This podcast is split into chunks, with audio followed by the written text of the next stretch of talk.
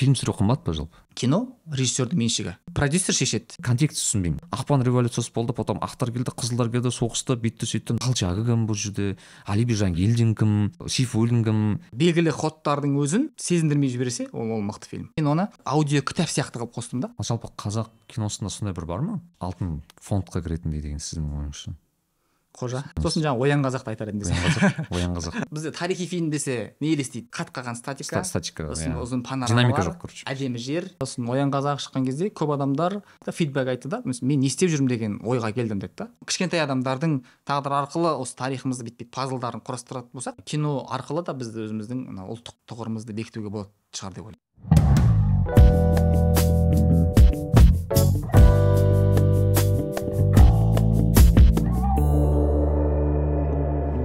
Сәлем достар. Сіздермен мен нәрікби және нәрікби лайф подкасты және бүгін ә, сондай бір күн. Біз ә, көп кино жайлы көп оқу жайлы америка туралы өте көп сондай бір әңгіме болады. Өйткені бізде қонақта бүгін мұрат есжан ағамыз. Мұрат аға қош келдіңіз.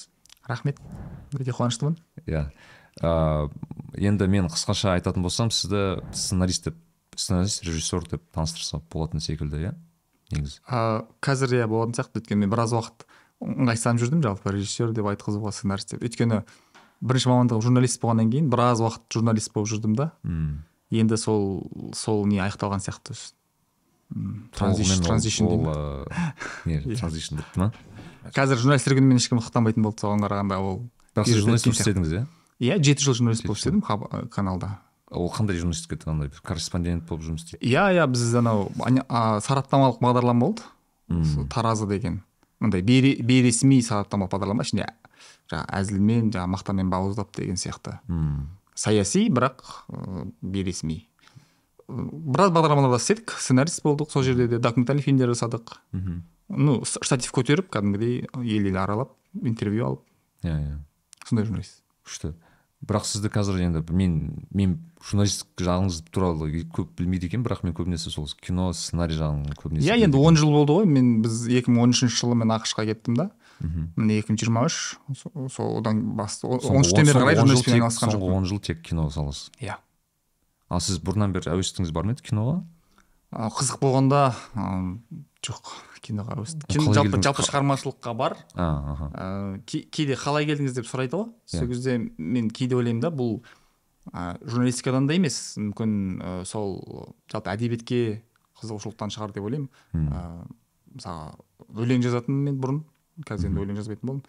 Сол поэзиядан мүмкін неге келген шығармын деп ойлаймын. Шығармашылықтан жалпы. Иә. Мм окей.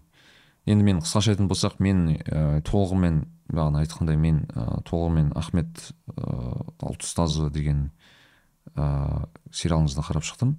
Міржақып дулат туралы қазақ оян қазақты бастадым әлі бітірмедім бірақ бітіруге тырысып жатырмын. Ә, маған қатты әсер етті шын айтайын. Ә, өйткені мен жалпы қазақ киносының көп тарихи фильмдеріне өте бір сондай бір критикалық бір көзқараспен қараймын. Өйткені бізде шын айтсам асыра сілтеу көп сияқты көп фильмдерде. И мен мана бірнеше рет айтқанмын ол туралы андай бір тым эпичный дейді ғой. Бір солай қылып түсіруге тырысатын секілді көрінеді. Тым андай бір білмеймін ыыы масштаб дей ма сондай бір көрсеткісі келе ма. Маған енді есіме жалғыз түсіп отқан сол жау жүрек мың бала шығар. Бір жақсы бір сапалы түскендердің бірі. Екіншісі шоқ ә, ә, кім туралы? Мұстафа шоқай туралы есімде болса бір ыыы сатып нарны. сатып ал иә нормально мне кажется сол жақсы шыққан болған мен, мен- менің маған енді әсер еткендердің бірі мен өйткені ол біраз уақыт бұрын шыққан сияқты шоқай туралы. Енді бұл жерде ә, мүмкін ол неге байланысты шығар? Жалпы кейіпкер жандылық деген нәрсе бар ғой. Кейіпкердің ашылуы. Яғни бір оқиғалардың емес. Ә, именно кейіпкердің жеке жан дүниесіне байланысты ә, туындаған дүниелерде бұл жаңағыдай сопереживание дейді ғой. Иә. жан ашуы болады бірге сонымен бірге өмір сүреді көрермен. Ал енді жалпы мынау болды сосын мынау болды деген бір оқиғаларды тізбелейтін сосын бір қаптатып әскермен шайқастыратын дүниелерде ондай не болмайды. Иә. Ары қарай жетелеу деген нәрсе болмайды. Тек қана бұл біздің тарихымыз ғой деген ғана оймен адам көреді да. Сондықтан ол біткен кезде адамда бір әсер ондай нәрсе болмайды. Мысалға да осы орайда м, бізде өзі мен көп байқаймын. Тарихи фильм десе нені мысалға келтіреді? Брейв харт Ә, храброе сердце. иә неге храброе сердце сияқты бұл храброе сердце? Адамдар храброе сердцаның жалпы несін көреді да енді ол? Ә, шайқасын сол жердегі жаңағы мемлекет аралық ана тәуелсіздікке ұмтылыс ана елдің анашып сөйлейтін сол әсер етті бізге деп ойлайды. Негізі оның түпкі әсері мына бейсаналы түрде әсері ол ана уэллстің өзінің жеке трагедиясы. Иә. Әкесінің ыыы өлтірілуі сосын жаңағы қалыңдығының жаңағыдай неге зорлыққа ұшырауы сол жеке трагедиясы ұлттың трагедиясымен біріккен кезде ғана барып ол андай эпик дүние шықты да. Егер біз уэллсті білмесек оның жаңағындай ыыы ар жағындағы трагедиясын білмесек ана оқиға бізге әсер етпес еді ол айдалада жатқан шотландия айдалада жатқан Ло- а- а- англия бізге несі қызық мысалға да енді? Иә. қарапайым көрермен ретінде алған кезде. Сондықтан сол жеке кейіпкерді ашу оның трагедиясын ашу оның ішкі ішкі мотивациясын мотивациясын түсіну сол негізі адамға не береді? Иә. Киноға деген. Осыған байланысты мен таңертең ғана осы сол туралы ойланып едім. Мысалы брейвхарт бағана сіз айтпақшы фильм. Ә, мен оқығам. бір екі сондай мақала. Ол жерде негізгі ә, иә как бы не жағынан күшті бағанағы ы, сценарийно жақсы жазылған дейді да. Бірақ тарихи факттар өте келіспейді деп көп жерде айтылады да. Яғни именно тарихи тұрғыдан қалсаң шотландықтардың былай тарихын қарасаң көп жері былайша айтқанда қосылған немесе бір мүлдем фейкті болуы мүмкін деп айтады да. Соған байланысты мүмкін. Тіпті андайлар болған. Ә, менің ойымша америкадан шотландияға ұшып келіп американдықтар ше көріп алғаннан кейін аналар қайда ананы бүкіл ана фильмдегі бүкіл сценаларды іздеп солай болып кеткен дейді да соншалықты әсер еткен адамдарға. Енді бірақ мынандай нәрсе бар ә, жалпы ә, драмалық шешімдер мен тарихи дәлдік ешқашан бір бірімен қабыспайды. Иә. Сіз тарихи дәлдік қуаласаңыз онда драма жоқ болады. Ал ә, драманы қаттырақ қуаласаңыз міндетті түрде тарихи фактіге қайшы нәрсе жасайсыз. Сондықтан өзі мына ютубта да көп сондай ә, драма versus history деген сияқты Иә, иә. нелер бар да жаңағыдай қайсысын таңдайсың. Енді ол жаңағы батыста еуропада америкада бір тарихқа қиянат жасап аламыз деген қорқыныш меніңше жоқ та. Олар тарихтарын құрбандық жасаса болады өйткені ол тарихтарын білет және білмесе де оларға бір ешқандай қауіп төніп тұрған жоқ та. Ал бізде сол қиындығы бар. Өйткені біз тарих тарихымызды өзіміз толық танып біткен жоқпыз. А. оны тағы танып білген тарихта бұр- бұзсақ иә. ел шатастырамыз. Ал тарихтың өзін ғана қуалайтын болсақ жаңағындай қызық Иә, емес болып қызық емес. қызық емес нәрселер шығады да. Тек ы, бір факт факт факт иә иә анандай ә, фрагментальный нәрселер шығады. Сондықтан бізде тіпті де қиын. Бізде жаңағы біз айтамыз бюджеті қиын деп айтамыз ғой. Ол бюджеті бір бөлек әңгіме одан бөлек осындай бір моральдық дейміз ба? Дилеммалар болады да біздің маған ы, маған есіме түсіп жатқан анаға апарар жол фильмі шығар. Ол жерде бір бір баланың былайша айтқанда өмір жолын көрсету. Сол жерде бір сәтті шыққан секілді көрінді. Бірақ соң жағы маған әсер онша ұнамады. Бірақ им- бірақ именно ы, түсірген кезде дәл қаншалықты ы, тарихи тұрғыда дұрыс екенін білмедім. Бірақ сол бір адамның былайша айтқанда жүріп жолған жолына менің ойымша жақсы түскен сәтті шыққандардың бірі шығар сол. мүмкін мүмкін иә. Мен шыққан кезде ғана көргем. Мен де бір рет көрдім соны. Сол кезде бір әсер алған едім да соны бірақ сондай екен деп. А, неге байланысты? Ам, фильмге оралсақ. Мысалы ам, бұл сериалды көркем фильм көркем фильм немесе сериал деп атауға бола ма? Әлде бұл көбіне деректіге жақын ба? Ә, ахмет ұлтұстазына келетін болсақ мысалы міржақып туралы ә, енді мен өзімше бір амбиция жасадым қалай ешнәрсеге бағынбаймын деген ше мына ұстаным бар да маған керек болса мен фильм ортасына шығып сөйлеп кетсем де өзім білем дегендей да бастысы идеяны жеткізуім керек деген иә өйткені біз көбінесе бір өзіміздің ә, жанрдың немесе өзіміз бір қалап алған нәрсенің құрбаны болып қаламыз ғой Иә. ә, енді ә, мынандай нәрсе бар ғой мысалға авторлық кино деген бар иә? Авторлық кино дегенде біз әдетте бір ішпыстырарлық фестивальға арналған деп ойлаймыз. Негізі оның шығу тегі олай емес. Ә, сәл кино тарихына оралатын болсақ ә, өзі отызыншы қырқыншы жылдардан бастап ә, мына ә, европада америкада продюсерлік фильмдер дамыды да. Ол фильм продюсердің меншігі болды. Иә. Ол қалаған режиссерін жалдайды ол ұнамаса босатып жібереді. Сөйтеді да ол жерде автор жоқ. Ол сондай бір дүниелер болып шықты да. Соған қарсылық ретінде а, мынау ә, неде француз жаңа толқын деп атап жүрміз. Ә, гадар трюфо секілді толқын авторлық фильм дегенді ә, алып келді да сондай терминді ол. Бұның иесі режиссер. Киноның иесі киноның кино режиссердің меншігі. Сондықтан ол қалай көреді солай істеу керек деген сияқты. А бізде қазір сериалдар бізде сериал болсын кинолар болсын сол сол модельмен келе жатыр продюсерлік иә. өнімдер. Продюсер шешеді. Даже продюсер кастингке араласады. Продюсер ақшаны реттейді ол енді түсінікті. Продюсер қалаған режиссерін алады қалаған сценарийсін жаздырады ыыы солай соңына жеткізеді. Авторы продюсер сияқты. Ал біздің сериалдарда сол авторлық деген ұғымды мен өзімше алып келуге тырыстым. Иә. Яғни ә, мен сценарийдің басынан бастап ә, соңына шығарамын қасымда ә, мықты адам мамандармен бірге. Ә, одан кейін өзім кастты өзім жасаймын өзім түсіремін өзім монтаждаймын сіз өзім продюсер мен сценаристтің бірге рөлін алған сияқтысыз. Иә. Сондықтан бұл авторлық сериал деп өзімше өзімше атаймын енді авторлық Иә. сериал. Сондықтан оның ішінде мен деректі фильмнің элементін қолданамын ба көркем фильмді қолданамын ба авторлық фестивальдық тәсілдерді қолданамын ба? Иә. ашық открытый конец жасаймын ба? Бір жерлерде символика беремін ба? Мен өзімнің бір ішкі интуицияларым ішкі түйсіктерім ыыы жұмыс істейді деп ойлаймын да. Сондықтан бастысы бір идея халыққа жетсе екен деген ой. Иә. соған қандай нәрсе көмектеседі? Қандай құрал көмектеседі? Соның бәрін пайдалана беремін деген бір ұстаныммен жұмыс істедім. Сондықтан кейбіреулер бұны деректі фильм деп жатады кейбіреулер көркем деп жатады. Оның барлығы да дұрыс деп ойлаймын. Иә өйткені менде сондай болды да мен көріп жаттым да и өзім түсіндім так мен неге қарап отырмын қазір мен мен директ вроде басы ә, көркем болып басталды ортасы анау закадровый голос дейді сол шығып бүйтіп мынау ал енді ахмет ә, осы алаш ордалымен мынада бүйтіп ана бір ә, қазақстан телеарнасының ана болады ғой бір закадровый голостар болады ғой диктордың дауысымен сондай айтқан кезде мен так мен нені қарап отырмын деген сияқты сондай бір бұл жерде ә, мынау мынау не? Ә, кадрдан тыс дауыс. Иә иә. Негізі кадрдан тыс дауыс егер сізге бірдеңені баяндап берсе иә. ол ол ол деректі фильм. Иә. егер кадрдан тыс дауысты алып тастаған кезде де сіз түсіне беретін болсаңыз ол көркем. бұл көркемдік тәсіл. Сондықтан егер кадрдан тыс дауысты біз алып тастасақ бәрі түсінікті болады. Иә. Ыыы бұл жерде мен оны бір бір жағынан бір аудио кітап сияқты қылып қостым да. Иә иә. Көрермен бір кітап тыңдап отқан сияқты болса екен және оның стилі де сондай. Мысалға тіпті ы, саңғытып орнынан тұрды ойланып қалды деген сияқты сөздерді үстіне қостық та. Иә. Ә, немесе ана бір жерінде бар ә, былай анау кейіпкер сөйлеп жатыр үстінен соның айтқан сөзін айтып жатыр да.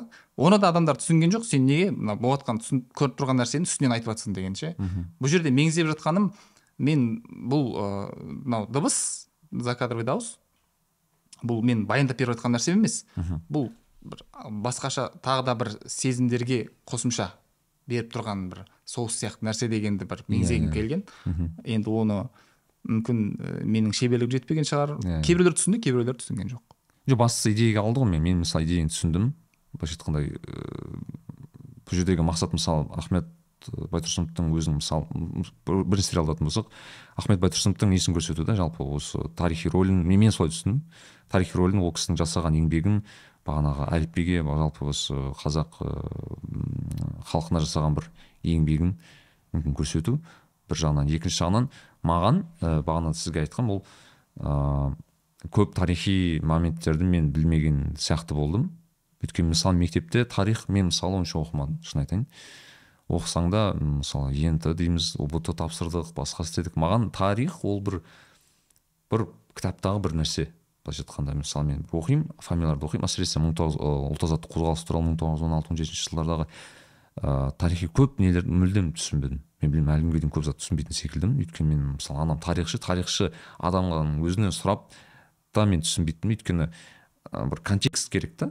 Иә. контекст түсінбеймін. Яғни ол айтады ақпан революциясы болды потом ақтар келді қызылдар келді соғысты бүйтті сөйтті мына жақтан колчак шықты мына жақтан мен мен мен мен, мен оларды бір елестете алмаймын. Колчагы кім бұл жерде али бижангелдин кім сейфуллин кім былайша айтқанда кім қай жақта кто за кого дейді ғой орысша айтпағанда мына- мыналар мынаға қарсы ма мыналар мынаға қарсы ма? И бір мен шынымен қалайтын бір түсірсе екен адам сияқты емес. Мен, мен шынымен түсінбеймін деп ше. И мүмкін бір басы сол сіздің сериалыңыздан басталды да өйткені мен мысалы айтайық баяғыдағы алиби жангелдин мен білмедім ол кісінің орыс аты болған аты кім еді? Степнов. Степнов иә аты.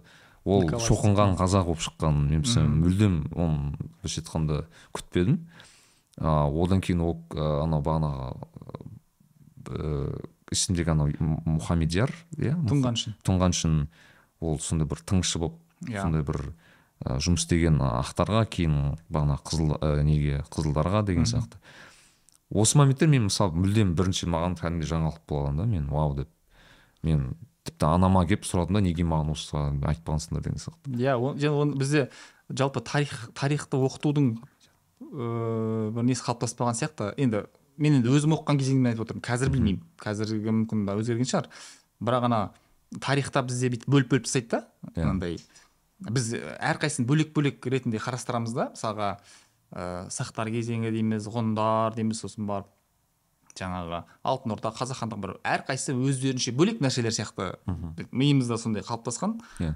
Және мына совет кезеңінің өзінде де ә, бір алашорда ол кім ә, қалай жаңағындай да- тіпті мынау екі революцияның айырмашылығы деген сияқты нәрселерде иә. кішкене нетеміз шатасамыз. Өйткені ә, былай да бізде мысалға сынып сыныпқа бөліп тастаған ғой. Бесінші сынып жаңағы ежелгі дүние тарих ежелгі қазақстан тарихы алтыншы сынып жаңағы орта ғасыр Иә. жеті бірдеңе сегіз қазақ хандығы деген сияқты. Ә, ар- айтып оралып соқпайсың да ол тақырыптарға. Иә. Мен ойлаймын да былай оқыту керек шығар деп. Ну бес алтыда тұтас бір өту керек былай. Өте жеңіл түрде. Жалпы мынау тәуелсіздікке дейін ше адамда жалпы не хронология қалыптасатындай. Сосын жетіде қайтадан соны сәл тереңдеп тағы соны өту керек. Сөйтіп сөйтіп сөйтіп сіз он он бірде де сол кезеңмен бір бір ана контекст қалыптасатын. Класс жоғарылаған сайын сынып жоғарылаған сайын сен көп а, білмеген сен детальдарды көре бастайсың деген сияқты ғой иә. Ол мысалы былай сияқты ғой бізге жаңағындай картаның тек бір бөлігін ғана көрсетіп мысалға ыыы азияны ғана көрсетіп европа жағын ашпай сен осыны осыны оқытып оқытып сосын келесінде тек қана европаны ғана оқып оқып оқып сосын барып сөйтіп сөйтіп бөлек бөлек бөлек оқып. Сен бірақ карта тұтас мынандай карта екенін білмейсің да? Иә. Азияның батысында европа тұрғанын одан қарай мынау батыс ба- жарты шарда екі материк тұрғанын білмейсің да? Сен олар туралы жеке жеке білуің мүмкін бірақ тұтас білмегеннен кейін иә. мысалға колумбтың нені ашқан деген сияқты нәрселер саған түсініксіз болады мен маған енді сіз тарихты зерттедіңіз ғой енді жазған кезде осы маған бірнеше сұрақ та бұл жерде. Мен мен былайша айтқанда тарихты онша мүмкін саралап білмейтін адам емес шығармын бірақ мынандай бірнеше адамды түсінгім келеді да қазақ тарихындағы рөлін. Мысалы енді ахмет ұстаз ахмет ұстаз деп айтамыз иә ұста, ұлт ұстазы ғой енді шынымен. Бірақ мысалы одан бөлек айтатын болсақ ы, мұстафа шоқай сәкен сейфуллин ыыы бағанағы әлиби жангелдин тағы тағы басқа. Бәрі қазақ. Иә. Бірақ бұл айт- айтып өткен кісілердің бәрі өздерінің ә, көзқарастары болды сая- саяси именно. Яғни мысалы мен білсем шоқай ол өзінің ә, түркі халықтарының бір бірлестігі ретінде сондай бір ә, бір мемлекет құрғысы келді. Ә, сайфин сейфуллин есінде болса көбіне бір советтерге жақын болғысы келді комсомол бағанағы большевиктерге жақында болды. Ну, жангелдин понятно ол о баста мысалы бірден оларға кірді. А, кім? Алашордашылар басында бөлек шығамыз деді кейін барып қосыламыз деді. Мен сол дұрыс түсіндім ба яғни осындай бір бөліну пайда болды да мен яғни мысалы анау ақтар былайша айтқанда царь дейді ғой царь құлап бағанағы бір фильмдерде көрсетесіз ғой мысалы андай түрлі мына жақта колчак шығады мына жақта бағанағы ор- алашордашы бағанағы қазақ газеті шығады басқа басқа. И ә, мен бұрын мектепте мысалы түсінбейтінмін неге біз қазақтар неге алашорданың идеясы жүзеге аспады деп. Вроде біз көп айтамыз мысалы әкем айтады алашорда алаш алаш деп. Бірақ неге мен айтатынмын сонда алаш сондай күшті болса неге алаш жүзеге аспады деп яғни ыыы сіз не ойлайсыз осы туралы мысалы алаштың жалпы жүзеге аспаған несі бізде мына алаш деген кезде бір бір бір абстрактылы бір көзқарас бар да. Иә. Тіпті кейде мына жиырмасыншы ғасырдың басындағы зиялылардың бәрін алаш деп алаш қайраткерлер деп айта, бере, айта береміз да. Жалпы бұл жерде мынандай нелерді бөліп алу керек. Ұғымдарды бөліп алу керек та. Иә. алаш қозғалысы бұл бөлек ұғым алаш партиясы бөлек ұғым алашорда үкіметі бөлек ұғым үшеуі үш түрлі ұғым. Ну бір біріне бір контексттегі бірақ былай қайсы болады? бір атаулар да бұлар. Мысалға алаш қозғалысы ол мынау енді тарих оны өздері біз алаш қозғалысымыз деп айтқан жоқ әрине. Иә. Оны біз тарихи тарихи баға берген кезде айтамыз.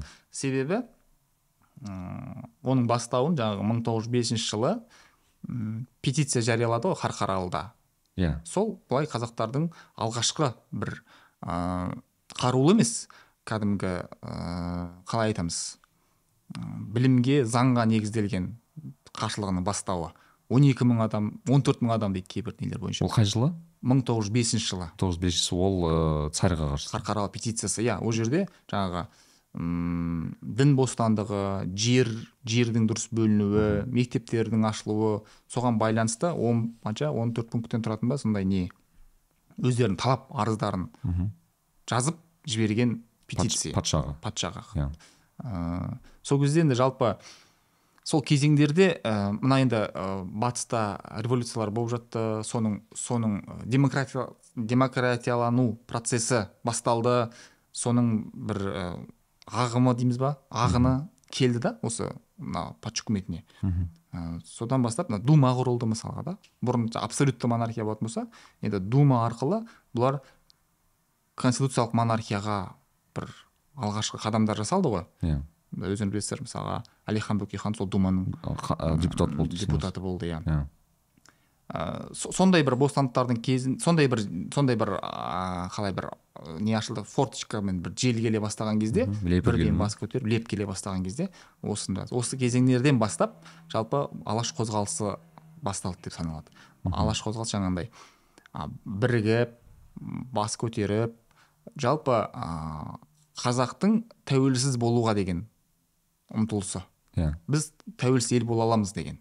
Ә, бірақ ә, кімнің ұстанымы бойынша әлихан бөкейхан өзінің айтқан ұстанымы бойынша ә, олар түсінді олар реалистік көзқараспен қарады да бірден прямо осы қазіргідегідей тәуелсіз ел болып кету мүмкін емес екендігін білді. Сондықтан автономия аламыз дейді да автономия. Автономияның мағынасы деп өздері газетте түсіндіреді. Бұл ә, жаңағындай заң басқару ә, қаржы бәрі өз еркімізде болады да. Бірақ ә, тізгіннің ұшын ғана кіндік үкіметке ұстатпақ дейді да. Сыртқы саясат нелерде жаңағы ортақ үкімет шешеді деген сияқты. Ә, осы федерацияның құрамында боламыз. Ыыы бұл патша үкіметінің тұсындағы оның патша үкіметінің тұсында басталды да. Иә. Ә, кейін патша үкіметі ә, құлады ғой ақпан төңкерісі кезінде. Сол кезде міне бұл шансты пайдаланып қалу керек болды. Сол кезде бірден жаңағындай ә, енді былай ұзақ әңгіме былай айтқан кезде. Иә. сол кезде мына учредительный собрание деген құрылды. Уақытша үкімет құрылды уақытша Иә. үкімет біз учредительный собрание жасайық құрылтай жиналысын жасайық. Сол жерде әр жерден ә, өкілдер жиналсын. Яғни сайлау өтеді. Сол сайлауда жеңіп шыққан өкілдер бас қосамыз петерборда. Сөйтіп шешеміз. Болашақ мемлекеттің мына уақытша үкімет болашақ мемлекеттің құрылысы қандай болады кім басқарады қалай басқарылады. Соны шешеміз деді да бір былай бір утоп- утопиялық дем- демесек те бір жаңа көзқарас солай солай болып еттенді басталды. Сол кезде соның легімен соның ә, себебімен алаш партиясы құрылды. Яғни алаш партиясы сайлауға түседі. Сайлауда жаңағы депутаттар дауыс алып жеңгеннен кейін сол арқылы жаңағы құрылтай жиналысына барып сол жерде мемлекеттің несін айқындау керек. Ә, алаш партиясы бірақ ол болмай қалды. Өйткені большевиктер ол планның бәрін бұзып иә. қазан төңкерісін жасап жіберді да сөйтіп ә, билік советтердің қолына өтіп кетті. Ал ә, советтердің қолына өткенменен тұтас неде өткен жоқ қой. Ол локальный бірінші басып алды да кейін жер жерде сондай жасай бастады ғой. Сол кезде қарсылық ретінде ә, бұрынғы идеямен алашорда үкіметі жарияланды. Иә. Там, ә, бұл бұл Ала- алаш деген партия алашорда уже үкімет. Міне алаш автономиясының үкіметі. Яғни ішінде төрағасы бар министрлер бар мүшелері деп айтамын мүшелері бар. Иә. Үкімет он екі адам соның мүшесі болған. М, енді о, о- бірақ осының алаш партиясынан бөлек бізде 300 деген партия болды. Бұлар жаңағы социал демократтар партиясы ә, бұлар советтердің несін қолдады? Ұстан ұстанымдарын қолдады. Біздің алаш зиялылардың алаш емес жиырмасыншы ғасыр басындағы зиялылардың араларында осындай осындай кейбір ұстаным қайшылықтары болды. Бұл бұл бір бір біріне жау деген сөз емес мысалы сейфуллин кім қай партияда болды? Ә, сейфуллин бұл кісі он он тоғызыншы жылға дейін тұтқында болады да. А, бұл негізі о баста а, кәдімгі осы қазақ оқығандармен бірге жүреді ғой омбыда мысалы мағжанмен бірге оқиды. Иә. М, бұлардың барлығының несі сол қазақтың болашағы қазақтың азаттығы ғой енді. Мхм. кейін бұл кісі он тоғызыншы жылы жаңағы атаман анненковтың азап вагонында тұтқында болып сол он тоғызыншы жылы шыққан кезде бірден бұл кісі советтерге барып қосылады да. Бұл кісі енді совет қайраткері ретінде бұл кісі алашордаға да үш жүзге де кірмей бірден неге кіре ма сонда? Ә, бұл кісі енді өзінің жазуы бойынша анау уақытша үкімет құрылып қазақ комитеттері уақытша үкімет құрылған кезде қазақ комитеттері құрылған да. Иә. патша билігі құлаған кезде қазақ комитеттерінде жұмыс істеген. Бірақ ол кісінің өзінің жазуы бойынша бұл сол кезде ақ бұл ә, алаш қозғалысына алаш жаңағы алашорда үкіметіндегі адамдарға қарсы пікірде болған. Алашордаға қарсы. Сол ұстанымға қарсы болған. То есть окей. ұстанымдарға қарсы болған да. Енді мынандай нәрсе бар. Тарихи әділдік үшін айту керек. Бұл тар жол тайғақ кешу деген өзінің еңбегінде жазып отыр. Ол еңбегі мына жиырма алтыншы жылы шықты совет үкіметінің күшейіп тұрған кезінде шықты. Сондықтан бұл өзі жазса да бұны бір шынайы дерек ретінде қолданған кезде кішкене абай болу керек та.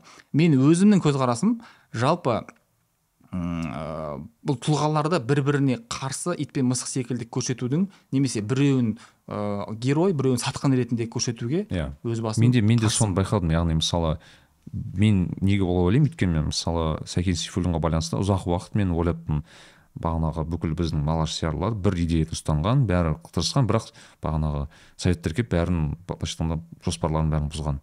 Кейін зерттеп қарасам алаш партиясы бөлек үш жүз бөлек бағанағы кім сәкен сейфуллин былай жүрген мен ойладым а значит мен мен дұрыс түсінбеппін бізде қа- қазақта мынау кімнің бір алғашқы қазақ большевиктері деген ә, мақаласы бар сұлтанхан ақұлының сонда қазақта енді большевизм идеясы комму- коммунизм идеясы коммунистік партия деген ол бұрыннан бар ғой ол европада қалыптасты иә білесіздер. Бірақ соны ұстанған адам болмаған негізі бұрын. Иә. Дәл сол идеяны ұстанған адам болмаған. Тек советтер жеңген кезде барып адамдар кейбіреулер бірден жаңағындай сол сол ұстанымға ауысты. Иә иә. Ал ауыспаған адамдар кейінірек сол контрреволюционер ретінде қудаланды. Иә.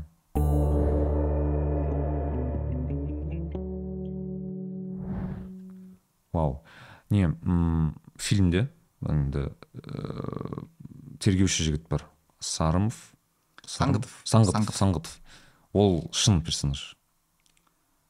Ә, оны шын деп те айтуға болады. Ә, ойдан былай көркемдік кө- кейіпкер деп те айтуға болады. Яғни фильмде айтатын болса бір қазақ ыыы тергеуші ахмет байтұрсыновты тергейді және соңында өзінің бағана ойын өзгертті маған десең сценарийні сценарийіңіздағы ең осы ұнаған тұс болды. Өйткені анау бір балам ә, бұлар да сені ә, не дейді қазақ зиялыларын қадауға қинап жатыр ма деген сол осы не? Маған маған өзіме жеке әсер етті да вау деп. Бір- жаңа біз қаңтар туралы айттық қой сол кезде. Иә. Айттық. Қой аяқталмаған процесс туралы фильм түсіру негізі ә, бір қате сияқты да бірақ Иә. ә, сол кезде айттық қой бір м, бір адамның өмірі бір адамның мүмкін ол поли- полиция қызметкері шығар немесе қарапайым бейбіт тұрғын шығар.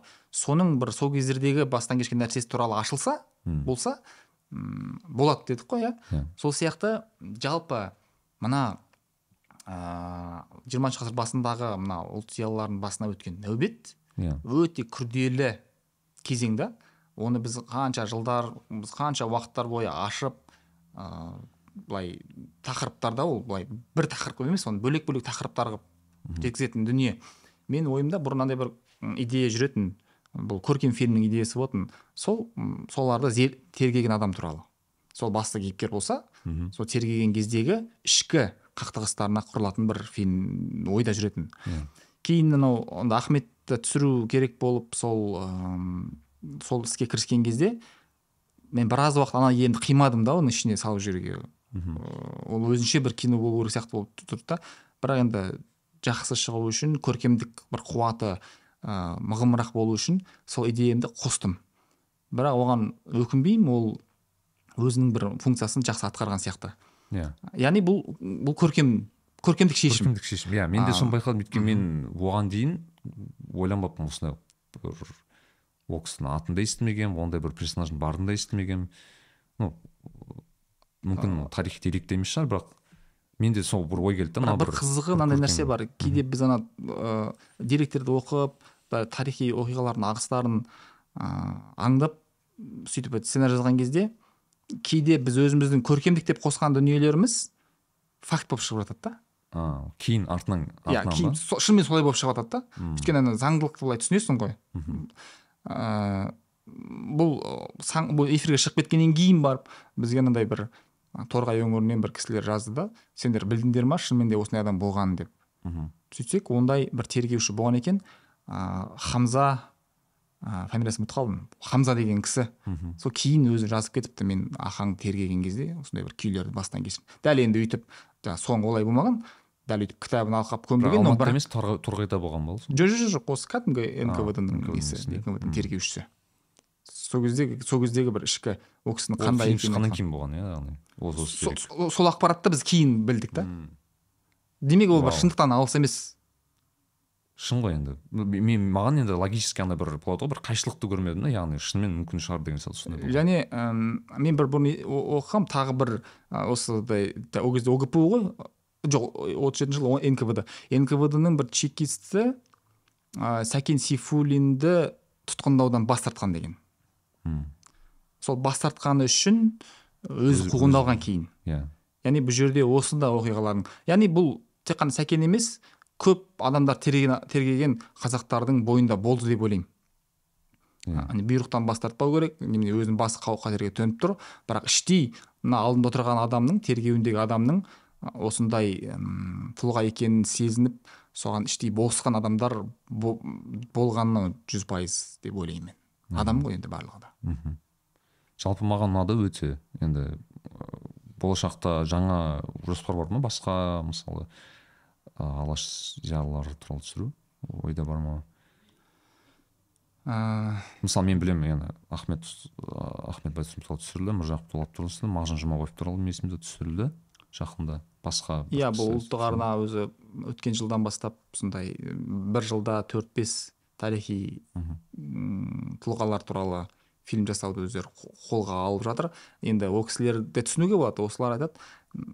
Біз енді үлкен бір мүмкіндіктерді күтіп жүрсек жүре береміз. Сондықтан осы аз ғана мүмкіндікпен бір бір құр әйтеуір бір әйтеуір бір түгендеп алайықшы деген сияқ- сияқты. Оның енді ә, несі жақсы әсері қалай болғанда да бар шығар деп ойлаймын. Сапасына байланысты енді әртүрлі әртүрлі әңгімелер айтамыз. Дегенмен дегенмен де түк істемегеннен қарағанда осылай бастала берген дұрыс шығар деп ойлаймын. Ал енді жоспарларға байланысты ол міндетті емес жаңағыдай тұлғаларды ғана түсіру деген сияқты. Бізде жалпы ә, нелер ә, тарихта біз тарихымызды өте аз түсірдік қанша деген қанша айтқанмен де да. Көбінесе бізде ә, не бар? Енді совет кезіндегі инерция бар жоңғар шапқыншылығы сон- сондай нәрселер көбірек көбірек қамтылды да. Иә. Оның алдындағы кезең одан кейінгі кезеңдер мысалы ұлт азаттық көтерілістер туралы мүлде кино жоқ мысалға да. М, со- солардың барлығын қамтып ыыы енді жаңағыдай бұл мына мысалға ахмет міржақыпта біз енді мен енді бір, бір адамның ғана бір тағдырын қуалап кетуге хақым болған жоқ. Өйткені бір мақсат жаңағындай тарихи контекстті бір көрсетіп өту осы арқылы. Иә. М, тарихи сананы ояту. Яғни бұл тек қана бір эстетикалық ләззат сыйлайтын уақыт өткізетін нәрсе немесе бір вау деп таңғалдыратын дүние емес ар жағында ағартушылық бір мәні болса деген мақсат болғаннан кейін біз енді тұтас көрсетуге тырыстық дәуірді ше? Иә. Ал енді алдағы уақытта жаңағыдай жеке кейіпкерлердің өмірі арқылы бір тым кішкентай адамдардың тағдыры арқылы осы тарихымызды бүйтіп бүйтіп пазлдарын құрастыратын болсақ сонда бір ә, кино арқылы да біз өзіміздің мына ұлттық ә, бір тұғырымызды бекітуге болады. Шығар деп ойлаймын. Ал кино арқылы тарихты үйретуге бола ма мысалы мектепте айтайық бір оқу Ә, орындарында? жалпы тарихты ә, жалпы мысалға тарихты үйренудің мақсаты қандай? М, менің ойымша ә, біз енді мектепте қазір ұбт үшін оқимыз иә өйткені міндетті пән болғаннан кейін. Ә, ал та- тарихты негізі мақсат үйрену емес тарихты түсіну. Иә. Сол кезде біздің жаңағы ұлттық санамыз оянады тарихи сана арқылы ұлттық сана оянады. Қазіргі ә, қазақ ұлтының ә, осы қазақ балаларының тарихты үйренудегі ә, бір мақсаты себебі сол деп ойлаймын мен. Ұлттық сананы ояту деп ойлаймын. Мм. ол да бір инструмент қой. Былайша айтқанда ғой оятудың жалғыз инструмент емес. Иә бір инструмент.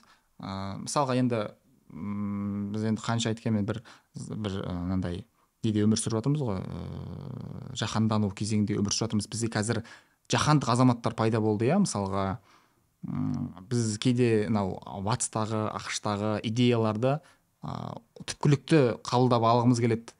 Мысалға м, оларда бір елім жерім деген нәрсе жоқ қой. Ондай бір уайым жоқ қой дұрыс па? Тілім деген сияқты уайым жоқ. Олар ә, олар олардың өзің білесің ғой сөз қолданыстарында world деген сөзді көбірек та әлем деген сөз көбірек та глобал деген сөз көп иә ы, сол мына әлемді жақсарту деген бір мақсат қой. Мысалға америкалықтардың кішкентай баласына дейін жаңағы change the world деп айтады Or make немесе the world the best place best деп айтады да. Бізде бізде енді елдік ұлттық деген нәрсені ұмытпау керек. Біз егер егер біз өзіміздің ұлтымызды бір құндылық деп санайтын болсақ жерімізді құндылық деп санайтын болсақ бір содан жұтылып кетпеудің жойылып кетпеудің бір бір тетігі өзінің қазақ екенін ұмытпау да. Өзінің ол тіпті ол ол әлемдік батыста да ол жаңағыдай не дейді ғой селф identification дейді ғой. Иә. мысалға сол идентификацияны ұмытпау керек. Иә. а біз ол, о- а, олар сияқты болуға бізге қайда мысалға да? То есть олар уайымдамайды екен деп бізде уайымдамай қоятын нәрсе емес ол Иә. ол бір мода емес ол қажеттілік Мгм. сондықтан өзіңді өткеніңді білсең сон тұлғаларды білсең тіпті болмағанда жоқ дегенде соларды бір соларды бір не ретінде қа- қабылдасаң модель ретінде ма жаңағыдай рол модел ретінде қабылдасаң немесе ә, мотивация деген қазір енді не ғой, Иә. мотивация ретінде қабылдасаң. Ол, ол, ол бір жағынан жұмыс істейтінін көрдім. Себебі осы ұлт ұстазы сосын оян қазақ шыққан кезде көп адамдар ыыы мынандай не айтты да фидбэк айтты да. Мен не істеп жүрмін деген ойға келдім деді да.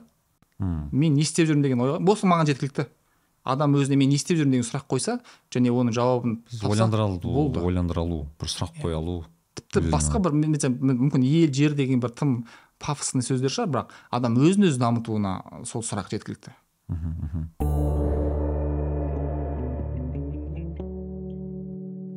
Тарихқа келетін болсақ ше осы мысалы әлемде фильм көп ана біз храброе сердце деген бір фильмді айттық басқа фильм айттық. Ыыы өзіңізге мысалы бар ма? Бір өзіңіз ұнататын тарихи именно осы осыған мысалы сіз түсіруде болады ғой бір референс жасауға тырысасыз немесе бағанағы осы бір кезінде бір әсер еткен фильмдер болса осыған ұқсатқыңыз келеді. Немесе бір и просто білмеймін мына фильм ұнады кезінде осыған ұқсат ұқсаттым емес бір кейбір идеяларды алдым дегендей. Енді қызық болғанда мен өзім байопик көре алмаймын. Боевик а, Бай- бойопик бай- а, бойопик? биографиялық. А окей биографиялық фильмдерді көре алмаймын. Көремін бірақ қажеттілікпен көремін. Сосын тарихи фильмдерді көре алмаймын. Бұл енді қызық та. Иә. өзім жаса- жасаймын бірақ көре алмаймын. Бірақ андай ыыы бірақ мысалға енді референс ретінде десек мысалы ахметті ахметті түсірген кезде менде мүмкін енді ол біртүрлі андай көштен қалған сияқты болып көрінетін шығар бірақ ыыы анау көктемнің он жеті сәті деген фильм бар ғой штирлиц иә иә иә. Совет совет совет фильм мысалы сол сол маған бір соны көрдім да. Соны бұрыннан білемін ғой енді. Соны қайталап көрдім. Ұқсату мағынасында емес жалпы соның бір әсері маған жақсы. Маған қазір ойлады сол картинка жағынан ұқсай ма ұқсастықтар бар секілді ма? Сол сол фильм фильмге ма? иә картинка жағынан енді оны референс қылып таза алған жоқпыз. Ә, бірақ енді біз оператормен келісіп отырып кішкене бір мүмкін ұқсас табылмауы да мүмкін бірақ бір әсер ретінде жаңағы джангоны алдық. Джанго. иә джанго тарантиноның тарантиноның иә иә.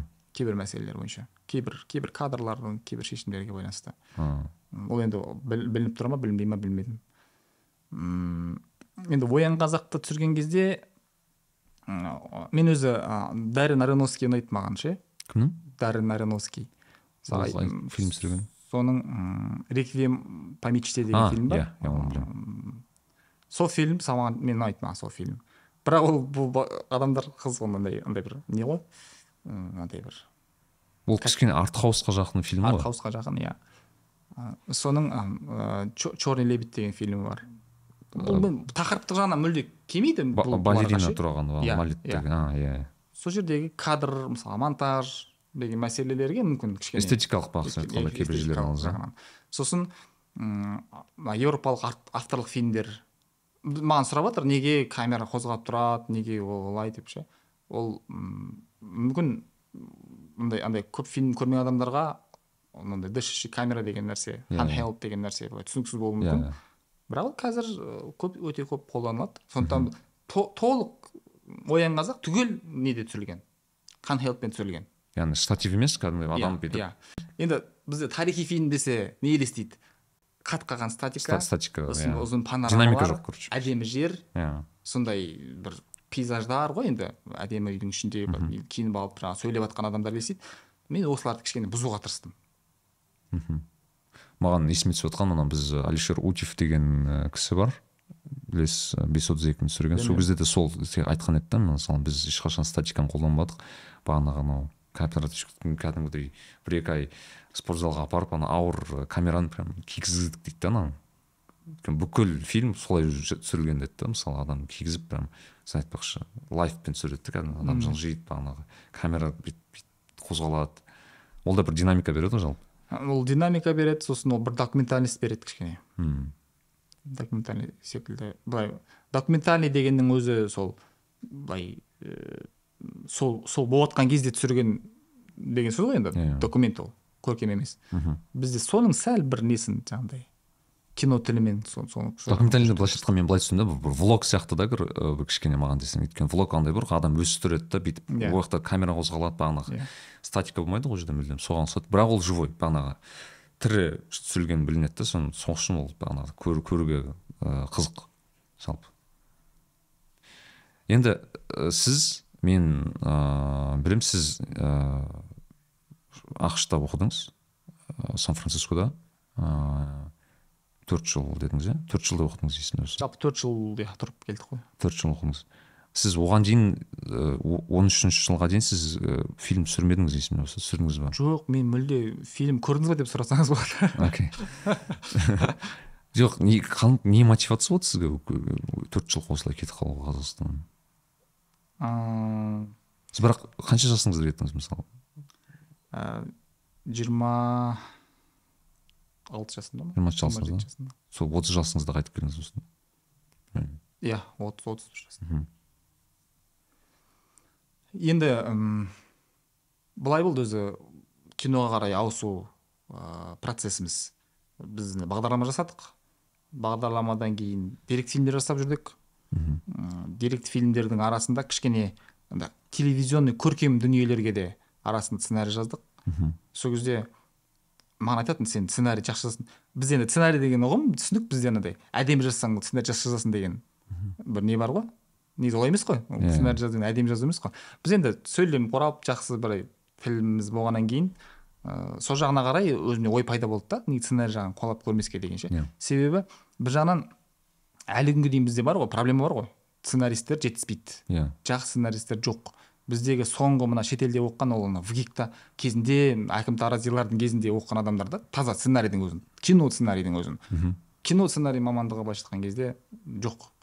Ыыы сондықтан неге сол бағытқа барып көрмеске деген оймен кеттім негізі ақшқа. Та, өзім былай бір арман емес бір таза мақсат түрінде. Мхм. таза андай бір осознанный шешім Иә, ретінде иә иә. кеттім да. Ы, және ы, қиын болды өйткені бұрыннан бір кино көріп киноға қызығып жүр- жүрген адам болмағаннан кейін маған барған кезде жан жақтан жаңағы бала кезден кино осы кино саласында армандаған бірдеңелер істеген адамдар келді ғой енді. Ол мастер еще не магистратура. Иә. Ы, енді солардың қасында ілесіп оқуым керек болды да. Ол басқасын былай қойған кезде классикалық фильмдердің көбін мен көрмегенмін танымаймын да. Соны қуып жету керек болды да. Сонда мен киноны көп көрдім анау анау Қанша кино кейіннен бастап білмеймін санаған жоқпын. Мен анау ыыы американ фильм институт деген бар соның жүз үздік фильм дегендер бар өздері жасаған академиялық. Көбіне еще байқағаным олар анау ескі анау андай не дейді андай түрлі түсті емес андай бір Иә, иә, фильмдер иә. ғой көбіне. Біз енді неден бастап көрдік қой? Жаңағы чарли чаплиннің ыыы жаңағы кит деген мысалы Ана жиырма гитлерді гитлерді не істеген бір ы, фильмдер бар? Диктатор, иә. диктатор иә. Жиырмасыншы жылғы фильмін көрген кезде мен таң қалдым. Кәдімгі малыш деген фильм бар ғой кит деген. Таң қалдым. Мына деңгейге біз әлі жете алған жоқпыз ғой деп. Жиырмасыншы жылғы жүз жыл бұрын түсірген жиырмасыншы жылы түсірген фильм көрген кезде мен чаплин гений ма? чаплин гений болып саналады ма? Жалпы. Гений сөзсіз гений иә. Несі не қай жері гений? Просто мен мен соны түсінбеймін яғни бұл маған чаплин персонаж. Яғни ол. Бірақ есімде болса мен мен түсінгенім чаплин ол тек персонаж емес. Яғни ол осы идеяның авторы да түсірген адам да ғой иә. Мен, мен дұрыс түсінсем. Анау кімнің эйнштейнмен жазған несін білесіз ғой? Хатын. Мен естімеппін жаңағы эйнштейн хат жазады ғой. Сіз генийсіз а, сізді бүкіл әлем түсінеді сондықтан сіз генийсіз дейді ғой. Аха. Ә, сосын оған чаплин хат жазады. Ә, сізді әлемде ешкім түсінбейді бірақ сіз сонда да генийсіз енді ол немой кино. Тіл жоқ ол кезде. Иә. Ә, сол кездің өзінде ә, оның фильмдерін қарасаңыз м, біріншіден өте энтертейнинг өте қызық. Иә. Ә, және ә, трюктері де өте андай бір немес. Қазірдің өзінде жасай, жасай алмайтын стандартты емес стандартты емес жасай ма сонда? Иә бұзған да. Иә. Үшіншіден оның ондағы ондағы мағыналар терең да. Бұл нәрселердің басын біріктіру ол шынымен де генийдің ғана қолынан келетін нәрсе деп ойлаймын өзім. Былай қарасаң ыыы чаплин мен өйткені маған қызық болды да кезінде чаплинмен былай зерттей бастаған кезде. Чаплин осындай бір бір аңыз адам ғой былай қарасаң. Өйткені ол кісі ыыы ол заманға байланысты бүкіл көп ыыы ел істей алмай жатқан зат істеген мүмкін. Біріншіден мысалы гитлер туралы диктатор түсіргеннің өзі маған таңқалдырарлық та ойла бүкіл әл кезінде былайша айтқанда бүкіл әлемге соғыс жариялаған былайша айтқанда бүкіл әлемді ыыы осындай бір деңгейге жеткізген әлемдегі осы жиырмасыншы ғасырдың басты трагедиялардың бірін жеткізген адамға сен қарсы осындай өзіңнің форматында соның кісіні келемеждеп түсіресің да ол деген ну білмеймін маған десең біріншіден саған бір ыыы миды керек кәдімгідей и екіншіден сен бір намысты білмеймін бір смелость дейді ғой орысша сондай бір зат керек та оған жасау үшін енді бір батыстық бір соци- социологтың сөзі бар. Ана мына данышпан ол өткен шақта ыыы керемет талдайтын адам емес. Аха немесе келер шақ туралы бірдеңе айтатын адам емес. қазіргі шақты тура осы кезең тынысын дәл сезінген адам. Иә. данышпан.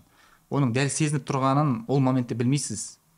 Мысалы абай абай несімен ұлы? Ол сол кезеңнің тынысын өте дәл сезген де және соны дәл берген. Біз қазір қарап отырып қалай білген? Иә. Иә. қалай соны түсінді деп ойлаймыз ғой. Өйткені ол сол кезеңде өмір сүріп жатыр да ол жан жақтан неше түрлі жаңағындай ақпараттардың арасында өмір сүріп жатыр да. Енді чаплин да меніңше сонысымен мықты шығар деп ойлаймын. Мен енді чаплин фанат емеспін. Иә. бүкіл фильмін көрініп қалап жүріп қарадым деп айта алмаймын. Бірақ бірақ просто бастауында тұрған ол көптеген нелер бар да андай бір ыыы мысалы ыыы бір чарли чаплиннің былайша айтқанда двойнигі дейді ғой орысша. Соның кісінің двойнигін жасайтын бір конкурсқа өзі қатысқан екен да. Екінші орын алған. екінші орын. Соны мен не деген ы, сонда самоирония деген сияқты.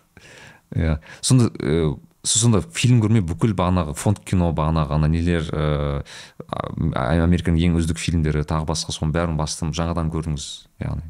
Иә. Жаңадан көрдім. Әлі де қуып жете алмай жатырмын былай көп нелердің фильм киномандардың кино қорына. Бір жағынан енді ол кейін ойладым міндетті емес секілді. Ә, өйткені көбінесе біз анандай адамдардың экспириенстерінен өмір жолдарынан сабақ аламыз ғой. Мысалға мен таң қалдым кім ким кедук ким кедук 32 жасына дейін мүлде кино көрмеген екен. Ә, сондықтан ешқашан кеш емес екен ғой деген ой болды да. Керісінше мүмкін ыыы көрмеген де дұрыс шығар. Мен кейде сол ойлаймын. Мысалы кейбір мысалы мынандай мәселе бар да кейбір әншілер бар. Олар өздерінің бір алыста бір қалада өмір сүреді. Ешқандай бағанағы әншілердің комьюнитисімен араласпайды. Өзінше бір ән шығарады да и ол өте аутентикалыға толы эстетикаға толы ерекше бір дүние шығады. Өйткені ол басқа таза бір референспен референстер жоқ өйткені өзі шығарған бәрін. Сондықтан да бір дара бір скриптонит ешкім тыңдамайды дегенді естігемін мысалға Иә. былай басқа алысқа бармайтын алысқа бармай қарайтын болса иә мүмкін иә. Сондықтан ол да көмекті шығар. Жаңағы ханеке ханеке жаңағы еуропадағы авторлық фильмнің енді көш басында тұрған адамдардың біреуі ғой. Ең алғашқы фильм қырық екі жасында түсірген да. Осындай осындай мысалдар адам өзіне керек тауып алады ғой енді мысалдарда. Енді керісінше қарайтын болсаң спилберг мысалға сегіз жасында алғашқы камерасы болған өзінің. Сегіз жасында бірінші рет бір нәрсе түсіріп монтаждағанмын дейді да. Иә. Жаңағы поезден келе жатқанын былай түсіріп сосын мына жақтан түсіріп екеуін соғысқанын түсіріп монтаждап ол енді сондықтан бұл бір модель жұмыс істемейтін сияқты бұл жерде. Иә иә. Әр адамның өзінің бір шығармашылық жолы өмір жолы әртүрлі қалыптаса беретін секілді көрінеді. Өйткені біразға дейін мысалы жаңағыдай жаңағы факт мен кеш келгенім көп нәрседен қалып қойғаным ә, көп адамдардан қарағанда екі есе үш есе жұмыс істеу керек болғаным маған керісінше не болатын? Сенімсіздік тудырып тұратын қолымнан келе ма келмей ма осыны дұрыс істедім ба дұрыс істеген жоқпын ба? Қазақстанға барып ағылшын сабақ беретін шығармын басқа не істей аламын деген секілді бір сондай ойлар. Көп жүретін көп жүретін. Бірақ енді ә, жаңа айтып жатырмын ғой жаңағыдай режиссер сценарист деп айтуға өзімді қысылып жүрдім деп. Былай қазір қарап тұрсам енді әйтеуір алға шығып кетпесек те бір қою шаңның арасында келе жатқан сияқтымыз әйтеуір. Иә.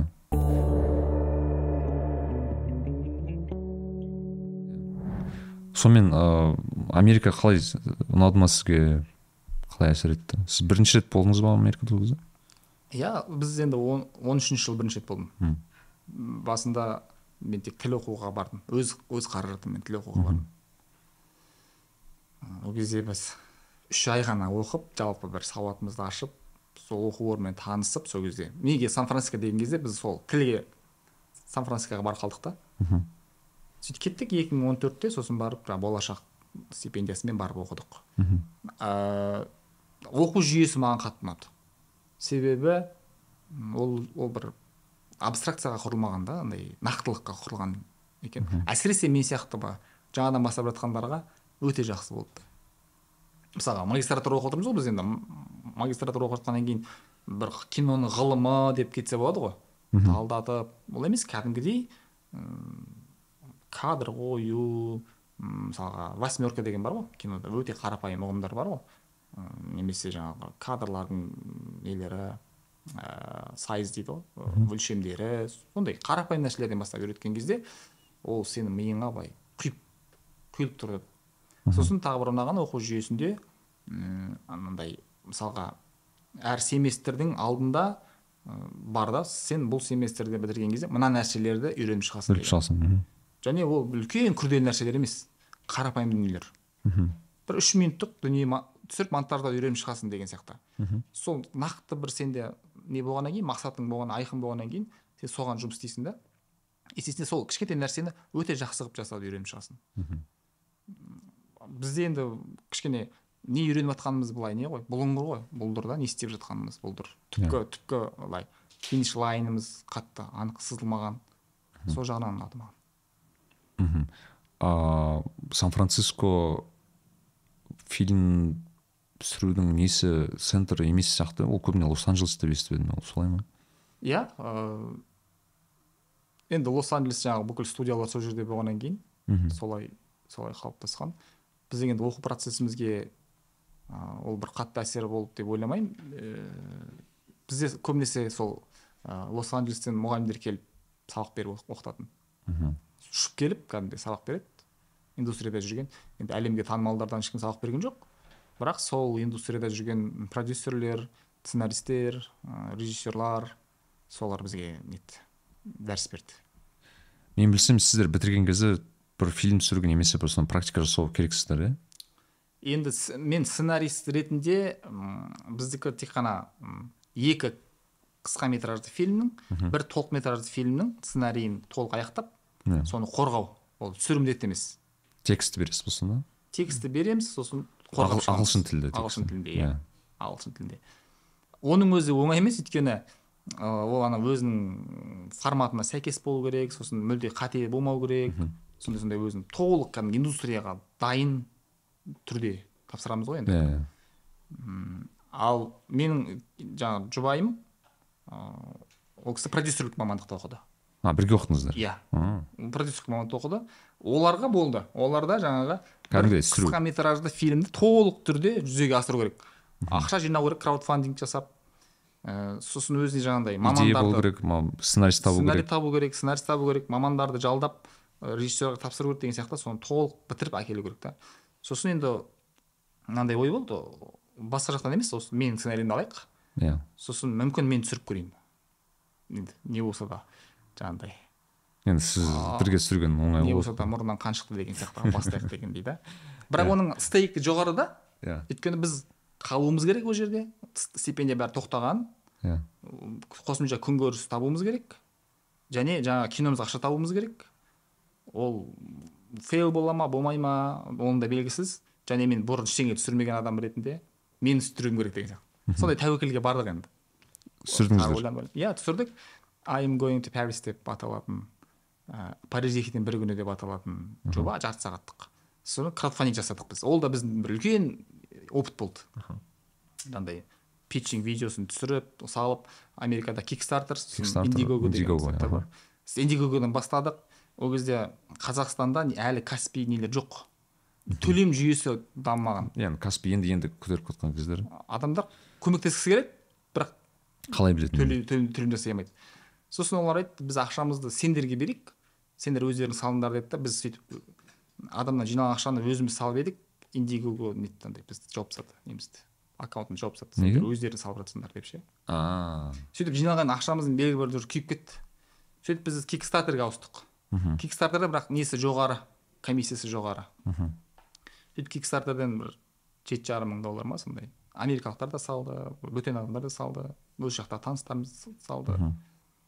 Ә, содан қалған ақшасын өзіміз қосып он үш мың долларға бірінші фильмімізді түсірдік фильм түсіру қымбат па жалпы Ау? ол жақта фильм түсіру ыыы, қаншалықты қаражат керек қымбат енді біз студент ретінде болғаннан кейін кейбір жеңілдіктер алдық Ә, мысалы камераға немесе актерларымыз мысалы тегін болды мамандардың бәрі студенттер болды. Сонда біз он үш мың доллар сонда қайда кетті деп ойлайсың да? Ал егер сен оның бәрін егер төлейтін болсаң білмеймін анандай нәрсені жасап шығу өте қиын. Мысалы голден гейт бридж бар ғой. Иә. Соның қа- қасына түсіремін дедім да енді өзімше бір Иә. бір сахна сол жерде болу керек дедім да. Оның есімде ұмытпасам бір сағаты он мың доллар ма сондай?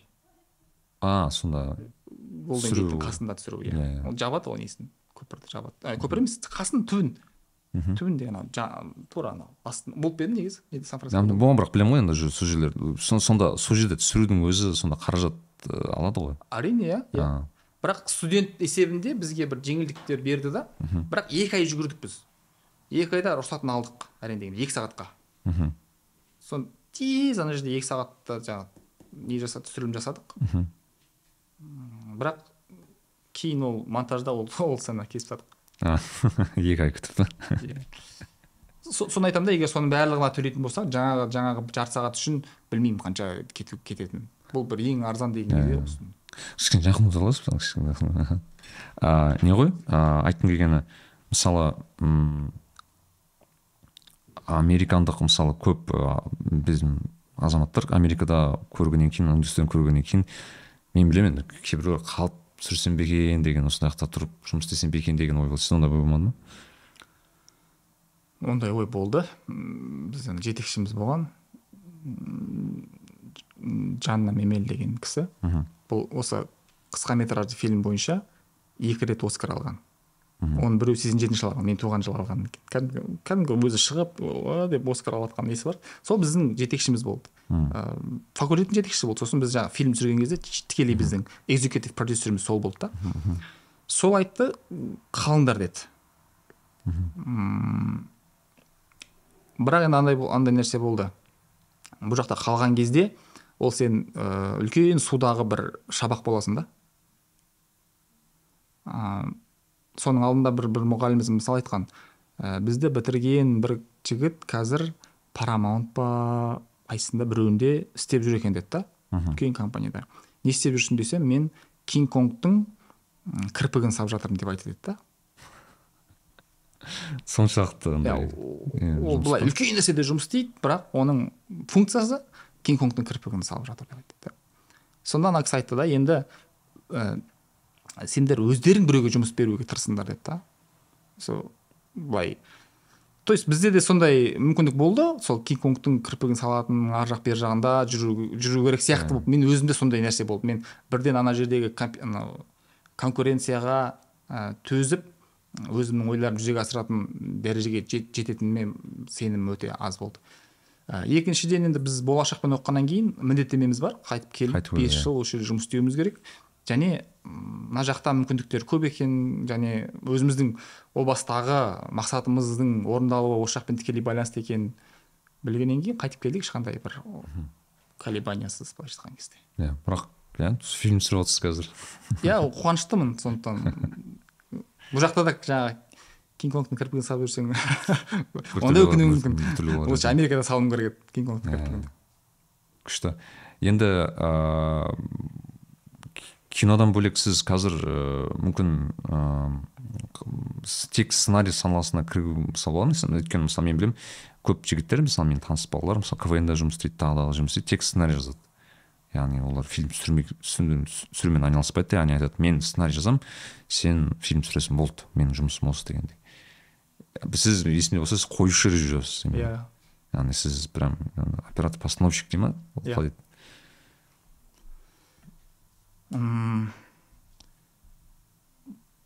негізі былай режиссер боламын деген ой ақш барған кезде де менде жоқ еді.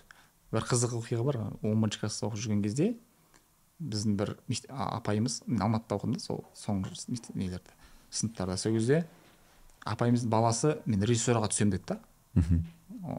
Сол кезде мен қатты таңқалғанмын қалай адам режиссер болуы мүмкін деп. Деген қиын жұмыс ол деген сондай бір ой болған менде. Ұмтылып былай тұрсын. Жалпы ол мүмкін емес деген секілді именно осы режиссураға байланысты мен бір ғарышкер немесе бір робот жасайтын адамдардың өміріне нетіп көрмеппін қиын ғой деп ойлап көрмеппін. Бірақ именно режиссерді ол не деген қиын нәрсе оны қалай миың жетеді деп ойлайтын. Бірақ өзі былай екен. Нелер кейбір қысқа мақсаттарға ақырындап ақырындап қадам жасай бастасаң өзі соңында бір үлкен нәрсеге жетіп қалғанын өзің байқамайды екенсің да. Иә. Біз енді ана ақш сценарий жазған кезде бізде тапсырмалар болатын. Өзің жазғанды өзің түсіріп келетін. Сол жерде қызығушылығым пайда болды да. Yeah. Иә. жақсы фидбектер ала бастадым кішкене сенім пайда бола бастады. Ә, кейін сол жақта жүрген кезде осы жақтардан бір тапсырыстар болып кейбір нәрселерді жаздым. Сол кезде ана түсіргенге көңілім толмайтын мен бұлай емес қой менің жазғаным бұл бұлай қаламадым ғой мен деп ше. Иә. Өйткені сен өзің ойыңда бір басқаша елестетіп жазасың ал оны басқа біреу түсірген кезде олай қабылдамайды олай түсірмейді немесе салғырт қарайды сенің шешімдеріңе. Сондықтан не де болса өзім түсіру керек деген бір шешім келдім да. Иә. Бұл бір қажеттілік үшін. Өз идеямды толық соңына жеткізу үшін сол режиссер болу керек екен деп ойладым. Сөйттім ақшта қосымша сабақтар алдым. Мына электив сабақтар болады бізде. Үш электив сабақ береді тегін. Соның бәріне мен режиссураға байланысты сабақтар алдым. Мхм. Сөйтіп сол білгенім бар. Одан бөлек бір ізденістерім қосымша видео қарасам бәрінде сол нетіп ә, режиссураға байланысты нәрселерді оқып қараймын. Әлі күнге дейін ізденіп жатырмын енді.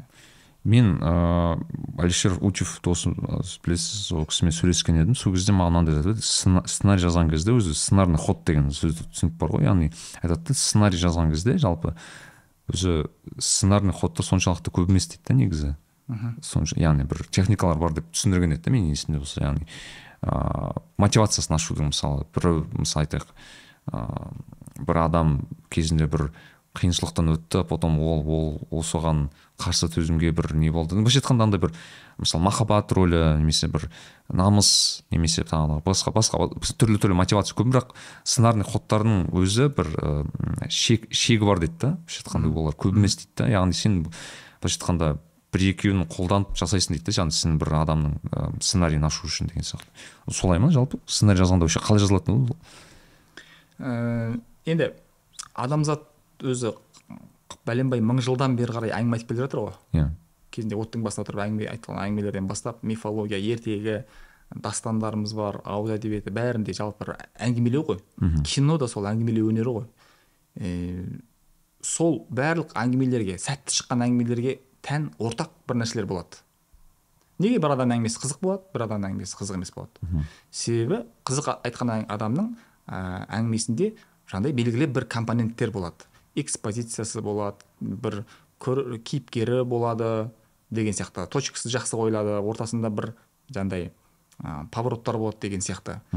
Соларды зерттеп келіп ә, жалпы қазіргі киноның бір несі қалыптасқан? Әңгімелеу жүйесі қалыптасқан. Иә. Екі сағаттың ішінде бір әңгімені бастан аяқ баяндап айтып беру деген сияқты. Сторителлинг дейді ғой сторителлинг иә. Соны біліп алсаң ол көмектеседі. Бірақ ол гайдлайн мхм. ол ә, сенің қолыңдағы жаңағындай кілт. А, бірақ құлып оған келетін немесе керісінше ә, ол кілт болса сен оны құлпыңды таңдауың керек та оған сәйкес келетін. мхм. Сондықтан ол, ол оны білсеңнің бәрі жұмыс істей береді деген де сөз емес. Керісінше оны білмеген адам ә, соны біліп алса оған өзінің багажы өзінің жаңағындай түйгені өмірлік сабағы бәрі қосылу керек та. Ол құр мынаны біліп алып сосын барып жақсы нәрсе шығарамын деген нәрсе мүмкін емес. Өйткені мен мысалы көп ә, фильм білеміз. Түсіріп жатыр бағанағы көріп жатасың картинка керемет. Ыыы актерлар керемет. Бірақ сценарий былайша айтқанда білмеймін сізде олай бола ма білмеймін фильм көре бастайсың бір екі сцена көресің уже уже былайша айтқанда ана фильмнің немен аяқталатынын түсінесің да. Ана бір уже қайталанып әбден желініп уже андай бір ә, сен көп көргенсің ғой сценарий айтасың а мынау бала қазір мынаған барады мынау мынаған істейді мынау мынаны өлтіреді сонымен бір бақытты болады немесе бақытты болмайды. Осы осы бір осы нетфликсте көп қазір менің байқағанымша сондай бір мүмкін ыыы мен сондай бір ой болатын мысалы ана қазір ыыы игра престолов дейді ғой бағанағы game of thrones сериалының да бір ыыы ұнаған шеті сол шығар өйткені сценарий жағынан мүлдем бір күтпеген заттар бола салады да ол жерде мысалы басты кейіпкер өле салады бұл жерде. Да басты кейіпкер сериал жүріп батып ауысып кете салады да. Потом ол қайтадан өліп қалады потом қайтадан анау, жазады ы, ана бұл мынау кино теоретиктердің арасында кино сыншылардың арасында көп айтылатын нәрсе ыыы плот дривен деген бар. Character дривен деген нәрсе бар. Иә. Плот дривен деген оқиғаға құрылған фильмдер. Иә. Ол сіз оқиғаны түсінген кезден бастап ол фильм қызық болмайды сізге уже. Ал ә, character driven яғни персонажға кейіпкерге құрылған дүниеде сізге не болатыны маңызды емес. Мысалға м, жаңағы ә, аме- ә, американская красота деген фильм бар ғой иә? Сол жерде мысалы бас кейіпкер өледі басында ақ айтады мен мен осындай уақыттан кейін өлемін дейді да. Яғни сіз оның тірі қалғаны өледі ма сізге маңызды емес. Сіз оның күнделікті мына кейіпкер ретінде отбасымен қарым қатынасы қызымен қарым қатынасы проблемалары ішкі дүниелері сізге қызық болады да? Сіз соны бақылап қарап отырасыз. Немесе жаңағы м сансет бульвар сансет мысалға да? Билли уайлдердің ол жерде де кейіпкер өліп қалғанын табады да? Кейіпкер өліп жатады да басында. Сосын барып жаңағыдай оқиғасын баяндауға кіріседі. Иә. Яғни ол ба- басында-ақ басында сізді кейіпкердің ішіне кіргізе алса иә. және ә, сол кездегі мына атмосфераны сездіре алатын болса сізге уже жаңағы түп түбінде немен бітетіні маңызды болмай қалады. Бізде қателіктер осы осыдан болып жатыр. Яғни ә, кейіпкер маңызды емес оқиға маңызды болып кетеді да оқиға құрылады да. Сосын көрерменді алдаймын деп жаңағы ходтар жасайды. Сіз айтқандай ол ходтардың өзі бәрі бе- көбі белгілі. Иә. Жаңағы отыз алты фабула бар деген сияқты. Былай болмаса былай болады дегендей. Сондықтан м түбінде жаңағыдай не фильм шығады. М, іш пыстырарлық қанша былай шым шытырық болып жатқанмен де ішіңіз пысып кетеді. Иә. Себебі сіз кейіпкердің ішінде емессіз. Ал негізі міндет кейіпкердің ішіне кіргізу адамды. Маған мысалы соңғылардың ішінде аватар фильмі қатты сондай бір ой қалыптастырды да. Өйткені аватар жақсы түсірілген фильм. Иә, яғни картинка жағынан оған әңгіме айту қиын да. Мысалы ол барлық жағынан күшті. Бірақ мен бастала салып уже немен аяқталатынын түсіне бастадым олар енді не ғой тексерілген жүз пайыз жұмыс істейтін Ходтар ма? ходтар ғой иә. Иә. Ол киноға барып жатқандардың көпшілігі 90 пайызы сіз секілді бэкграундтағы адамдар емес. Балалар барады жастар барады былай жалпы көрерменнің ішінде 99 пайызына жаңағы история өтеді. Жаңағы отбасының құндылығымен аяқтау андай бір қатер төну сосын қорғану басында жеңілу одан кейін жеңу деген ол вандамдардан келе жатқан не да өтеді ол. Иә. Ол жүз процент өтеді. Иә. Тек сіз сияқты кейбір адамдар ғана ай мынау деп отырады да. Ал сондықтан сізге ыңғайлану керек па? Жоқ жаңағы тоқсан тоғыз пайызға ыңғайлану керек па? Осы жерде бір нетіп жатыр мысалға мен жақында неге бардым? Гай ричидің ыыы фортуна. фортуна? Операция фортуна ыыы не еді ыыы бір нәрсе побеждать иә қалай еді арт оф в общем операция фортуна деген фильміне бардым. Былай несінен ақ білгем трейлерден ақ білгем жалпы бұрынғыларын қайталау екенін сол кезде жүз пайыз осы нәрсеге бір дәлел алып шықтым. Гай ричи мықты режиссер сөз, сөз жоқ. Иә. Бірақ мына фильмде персонаж жоқ. Кәдімгі жүрген адамдар ешқайсының бір ерекшелігі ешқайсының бір тағдыры жоқ кейіпкердің тағдыры ішкі сезімі жоқ. Бір нәрсені жаңағындай әлемді бір, бір үлкен угрозадан құтқару керек болады да. Соның жолында бір, бір қызық қызық ходтар істейді күтпеген оқиғалар болады. Бірақ екі сағатын әрең бітірдім да. Да тым болмаса мейлі бір тізе шыққан болса ана екеуін бір біріне ғашық қылып қойса тым болмаса да ол адамға жақын чувство. Немесе бір сезім тудырмайды ғой сезім тудырмайды иә. Иә, иә. сондықтан сезімді сезімді оқиға тудырмайды. Сезімді ә, жаңағы именно кейіпкердің кейіпкердің кейіпкер ішіндегі сезім тудырады. Иә. Біз біздегі әсіресе қазақстанда түсіріліп жатқан дүниелерде осы нәрсеге мән берілмегеннен кейін ойлаймыз біз андай адамдар таппай қалатын бір ходтар жасасақ сол қызық болады деп. Маған мысалы бар ғой мен білмеймін сіз көрдіңіз бе көрмедіңіз жизнь других деген бір фильм. Қатты қатты әсер еткен кезінде қысқаша айтатын болсақ ол енді көрерменге ол ыыы екінші дүниежүзілік ы, соғыс кезінде болған. А жоқ жоқ болған. кейін иә ыыы, неде штазияның жұмыскерлері яғни ол штазия деген ыыы кмб деп аударса болады ма екен? Былайша айтқанда германияның ы, совет шығыс германия. Шығыс германияның ә, кмбсы кгбсы ә, бір белгілі бір ақындарды немесе поэттарды зерттеуі және олардың өмірлерін ә, бақылауы да сол кезде штазияның бір ә, агенті дейміз ба агенті. Сол бір олар зерттеп жүрген адамның көршісі болып па немесе сол бір жұмыс істейтін адам болып па сөйтіп жұмысқа тұрады. Бірақ енді білмеймін енді ананы көру керек. Өйткені мен мысалы соңына дейін ол кісіні былайша айтқанда басында жек көресің. Бүкіл жан тәніңмен жек көресің. Ортасына қарай уже кішкене жіби бастады соңына қарай жаның ашиды уже. Яғни өйткені ана кісі уже бағанағы совет одағы құлағаннан кейінгі өмірін көрсетеді тағы басқа. Барғанда өте өте бір білмеймін мен бір екі күн әсерінен әсерімен жүрдім да одан кейін ол, ол фильмнің. Марк марк доненсберг деген иә. неміс режиссері. Үш жыл бойы осы штазияны зерттеген екен. Мен со- соларға соларға мүмкіндіктеріне қатты қызығамын да андай. Үш жыл бойы соның архивтерінде отырып сол нәрсені зерттеп мысалы одан кейін бір ақ фильм түсірді ол екі мың алтыншы жылы түсірілген фильм. Иә. Бұлар андай бір нәрсеге кірсе соны зерттеп барып шығарады да асығыс иә шедевр ана фильм білмеймін. Иә. Ол жерде де көрдіңіз ба бір оқиға қуаламайсыз ол жерде анау анау ана персонаждардың өмірі сізге қызық. Тіпті бұл жерде бірнеше персонаждың өмірін қатар ашады ғой. Ана драматург бар.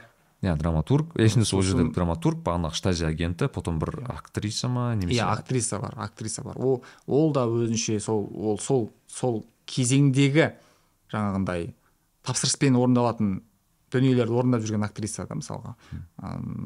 Бұл ана не қояды? Ғой үйіне звучок қояды да. жиырма төрт сағат бойы тыңдайды. Төрт сағат бойы анау адамның несін тыңдап иә отырып. Жизнь других деп айтқаны ол яғни мысалы осындай бір кабинет болатын болса бүкіл үйдің ішіне камера қояды да оның бар жұмысы үстіндегі үстіндегі анау этажға отырып бәрін тыңдау да анау біз мысалы подкаст тыңдаған сияқты ол кісі басқа басқа адамның өмірін тыңдайды да сонда. Тыңдап жатып өзінің өзін өзгертеді былайша айтқанда. Осы қызық қой. Сол кезде ол мысалы бір ключевой біз мән бермейтін бір эпизод бар да ол жерде. Ол адамның жалғыздығын көрсетеді. Мысалы тыңдап жатқан адамның жалғыз екен өмірде бақытсыздығын көрсетеді. А үй, үйге қайтады ғой үйіне қайтады. иә үйінде иә, бір иә. сценалар болады. Ешкім жоқ сөйлесетін адамы жоқ досы жоқ. Яғни осы арқылы біз ә, кейіпкерді түсіндік та оған жанымыз аши бастады. Оның басқа поступкалары бізге қызық бола бастады. А егер ол бізге мүлде түсініксіз бір жүрген агент болатын болса біз оған не үшін жанымыз ашу керек мысалға? Иә. Осы кейіпкерге құрылған деп жатқаным осы. Ал ы мына фильмнің тағы бір артықшылығы бұл жерде кейіпкерге құра отырып жаңағыдай қызық сюжетті ұмытып кетпеген да? Кейбір фильмдер тек қана кейіпкерге құрып ар жағында сондықтан бұл анау көрерменнің барлық қабаттары үшін жұмыс істей беретін фильм. Енді сол үшін де бұл оскарда үздік шетелдік фильм деген номинацияны жоқ ол мысалы анау даже есімде фильмде мынандай мынандай жер бар да мысалы ол жерде ана бір печатный машинка дей ма? Соны бір бастысы былайша айтқанда олар бір э, кітап жаза ма немесе бір сценарий жаза ма сондай бір қағаз болады. хат жазған ғой. Хат- а, иә, хат жазған. батыс германияға иә батыс германияға хат жазған бірақ хат жазған машинкасы бір ерекше бір машинка болады ма сондай болады ана бір бәрі білетін. Иә. Оны бүйтіп прям астына тығады ғой үйдің ішіне ше, мысалы соны қалай іздегені қалай тапқаны мә енді оны деталь өте андай бір деталі көп фильм да сонда мен таң қалдым да сол кезде мен бірінші рет өте қатты әсер аламын сол кезде. Сол соның жалғыз өзінен. А, бұл мысалға саспенс деген нәрсе. Ол былай белгілі. Саспенс үшін құрып жатқаны мысалы көріп жатқан кезде қандай мақсатпен мынаны істеп жатқаны осыдан қандай сезімді алайын деп тұрғаны көрерменнің иә. біліп отырасыз да былай маман ретінде. Бірақ мықты фильмдер жаңағыдай сіз айтқандай белгілі ходтардың өзін сезіндірмей жіберсе ол ол мықты фильм. Ал сіз ол былай ходтары бүйтіп бүйтіп сол ход үшін ғана шодырайып шодырайып шығып тұратын болса иә. ол ол формула. Вау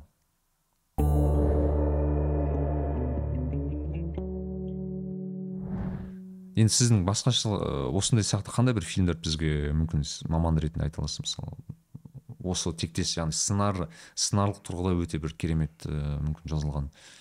Паразиты паразиттер паразиттер фильмі маған өте қатты ұнады. Бұл бұны көрген кезде бір кино өнері жаңа планкаға көтерілген секілді бір сезімде болдым мен. Мм. өйткені ә, жаңа айтқандай бізде андай ғой. Сыншыларға ұнаған фильмдер көрермендерге ұнамайды. Иә. Көрермендердің ұнатқан фильмін сыншылар жақтырмайды дегендей да. Иә иә. Бұл енді кан фестивалінде жүлдегер болды. Сосын сол жылы оскарда төрт номинацияны жеңіп алды. Көбінесе біз енді бір дәл олай емес бірақ былай индикатор ретінде кан секілді фестивальдер ол сыншылардың көзқарасы ә, оскар көрермендердің көзқарасы сияқты да. Иә. Сондықтан бұл екі екі жақты да бірдей ә, таңғалдырған фильм болды. Мхм. сценарий де керемет айтатын ой да керемет түсірілімі де керемет мхм. немесе м, мысалы асгар фархадидің фильмдерін айта аламын сіз оны көрсе жаныңыз шүберекке шүберекке түйіп отырып көресіз және керемет мысалы фильм аты қандай асгар фархадидің ә, надир мен симиннің ажырасуы деген фильм бар Раз- развод надира и симин деген Мхм. Сосын ками вояжер деген фильм бар жақында биыл жиырма бірінші жылы герой деген фильм шықты мхм. мысалға солардың қай қайсысын болса да алып қарастырса өте керемет. және ондай сен жасай алмайтыныңды да түсінесің да? ол ол сезім бір жағы қызық бір жағы. андай мысалға нені көрген кезде менде сондай екі фильмде сондай болған. Касабланканы көрген кезде қырық алтыншы жылы түсірген касабланканы көрген кезде мынандай жасай алмаймыз ғой деген сезім туды менде. Ә, сосын нетворк деген сидни люметтің фильмін көрген кезде сондай сезім туды. Мынандай нәрсені біз жасай алмаймыз ғой деген Мм. Ал жалпы қазақ киносында сондай бір бар ма?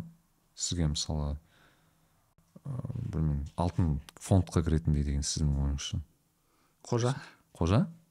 Вот сіз бар ғой менің ойымша үшінші режиссер сойдың осыны айтқан маған қожаны айтқан. Неге қожа? Өйткені мен, мен, мен өз жауабым бар неге қожа екен бірақ сіздікі қызық.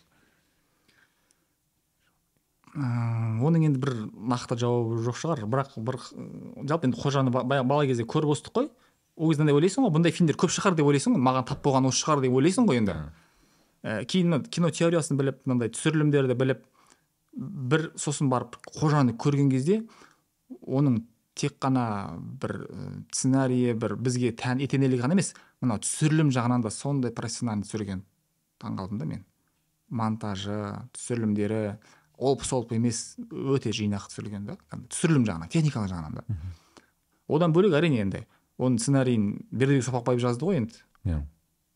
А, ол жерде кейіпкердің жаңағыдай күрделілігі жатыр да. Өте терең күрделі кейіпкер иә? Қожа қожа күрделі кейіпкер. Тағдыры күрделі оның. Өзі ол мысалға біз оны бай, бала кезде байқамауымыз мүмкін. Анау қаратай мысалға шешесін бір жағынан қызғанышы ыыы бір жағынан жақсы оқиды бір жағынан бұзық. Күрделі ғой. Мысалға советтік кейіпкерлер қалай? Олар жақсы оқиды тәртіпті ә, бәріне алда немесе керісінше жаман оқиды тәртіпсіз.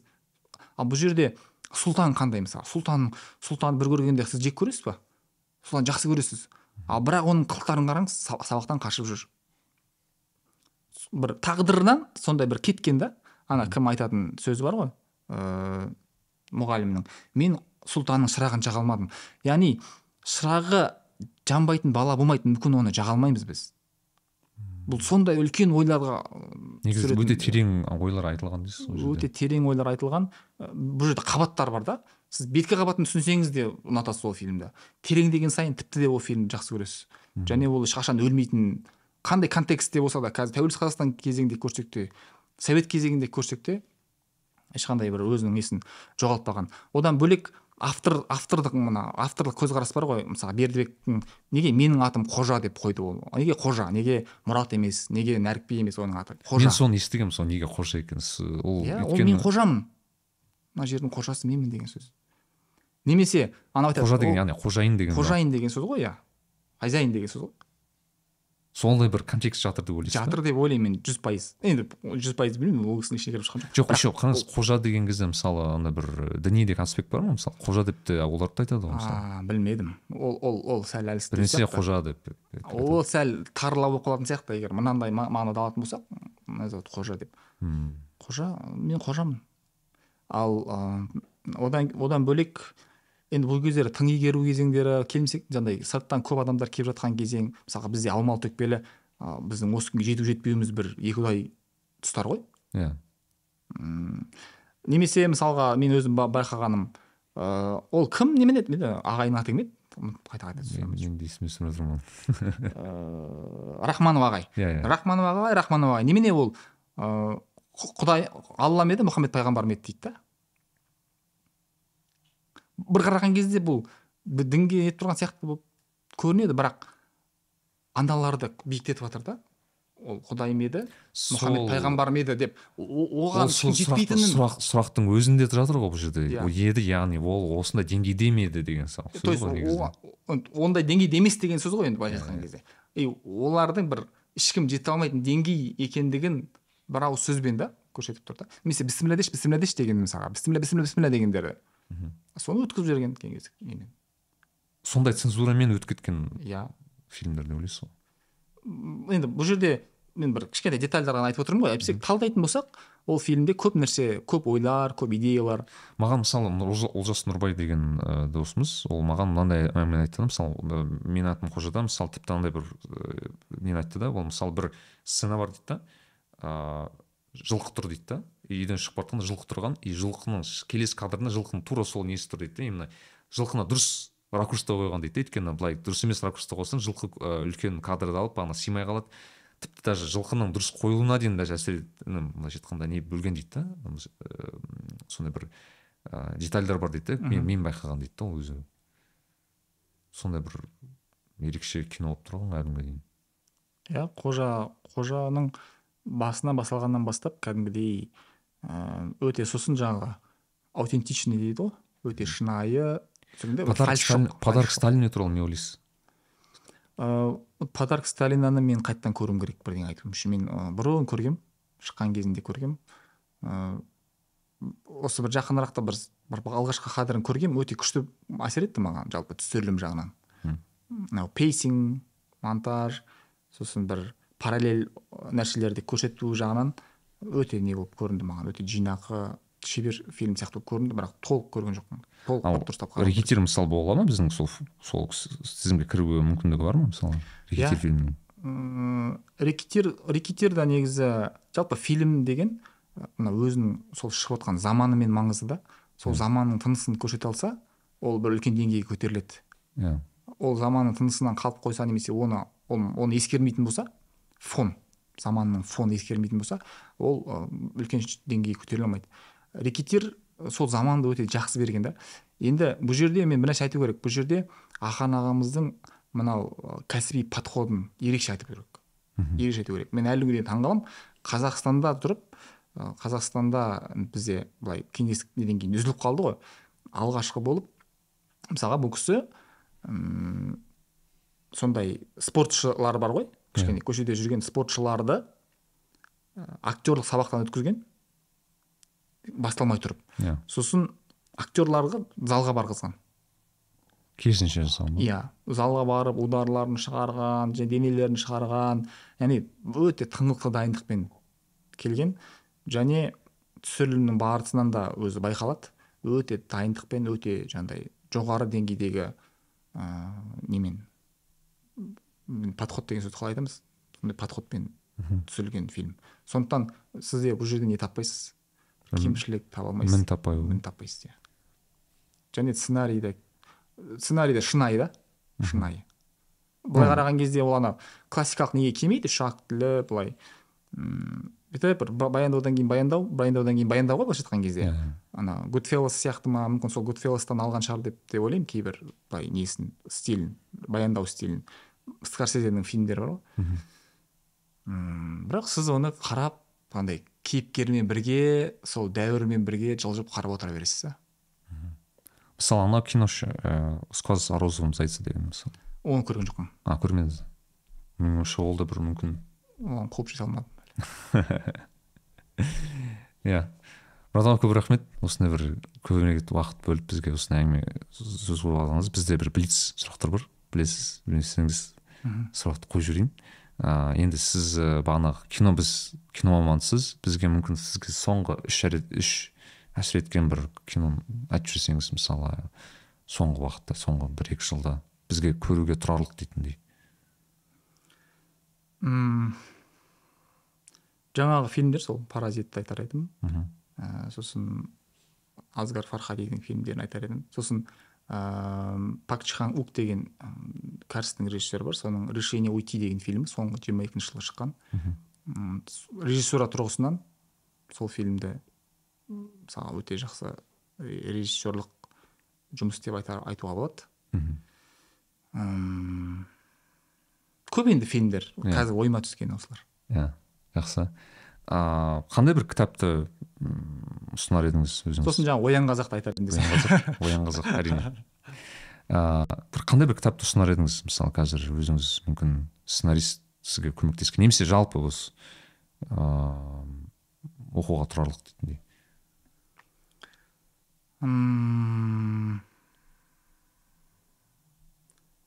Кітап кітап көп. Қандай кітап айтсам екен? Мен енді көбінесе анандай м, мынандай бір адамдарға кішкене күш бергім келеді да өзіне сенімсіздеу немесе менде талант жоқ деп ойлайтын көп нәрсесіне жаңағыдай бір бастауға шамасы келмей жүрген ыыы бір өзіне сын көзбен қарайтын адамдарға м, мысалға мен соңғы кезде оқыған тонкое искусство пофигизма деген кітап оқыдым Иә, иә. марк менсонның ана ағылшынша версиясын айтсаң білесіз ағылшынша Иә, иә. ладно кинодан қалай екен аха сол сол кітапта сондай бір сондай бір нәрселерге жақсы жауап берілген сияқты оқиғалармен жеңіл жазылған сосын енді жалпы менен ана алаш қозғалысы туралы көп сұрайды иә ол туралы кітаптар өте көп бірақ жаңағындай толық бір ә, толық картинканы қалыптастыру үшін ә, кеңес нұрпейісовтің алашорда деген кітабы бар.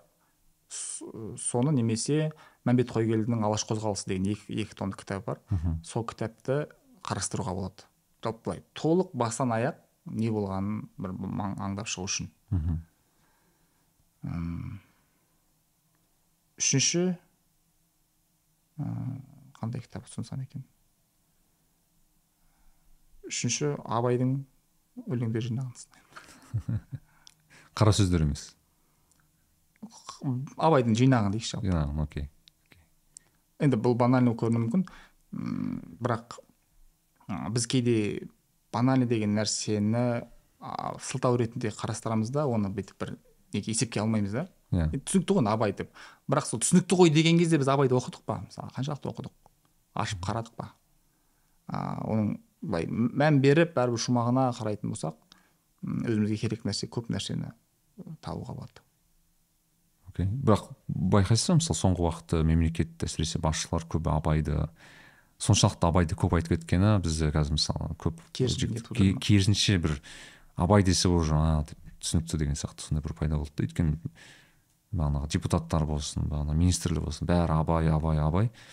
Менің ойымша керісінше көп айтылып кетсе тіпті бір і, кері әсерін де беруі мүмкін сияқты да кейде. Мүмкін сондықтан ыыы, ол ә, қалай айтылуға байланысты ғой. Мхм. осындай жерде мысалға айтпай кетсең онда ол шынында да тек қана мемлекеттің ғана пропаганданың ғана құралы сияқты болып қалуы мүмкін. Иә.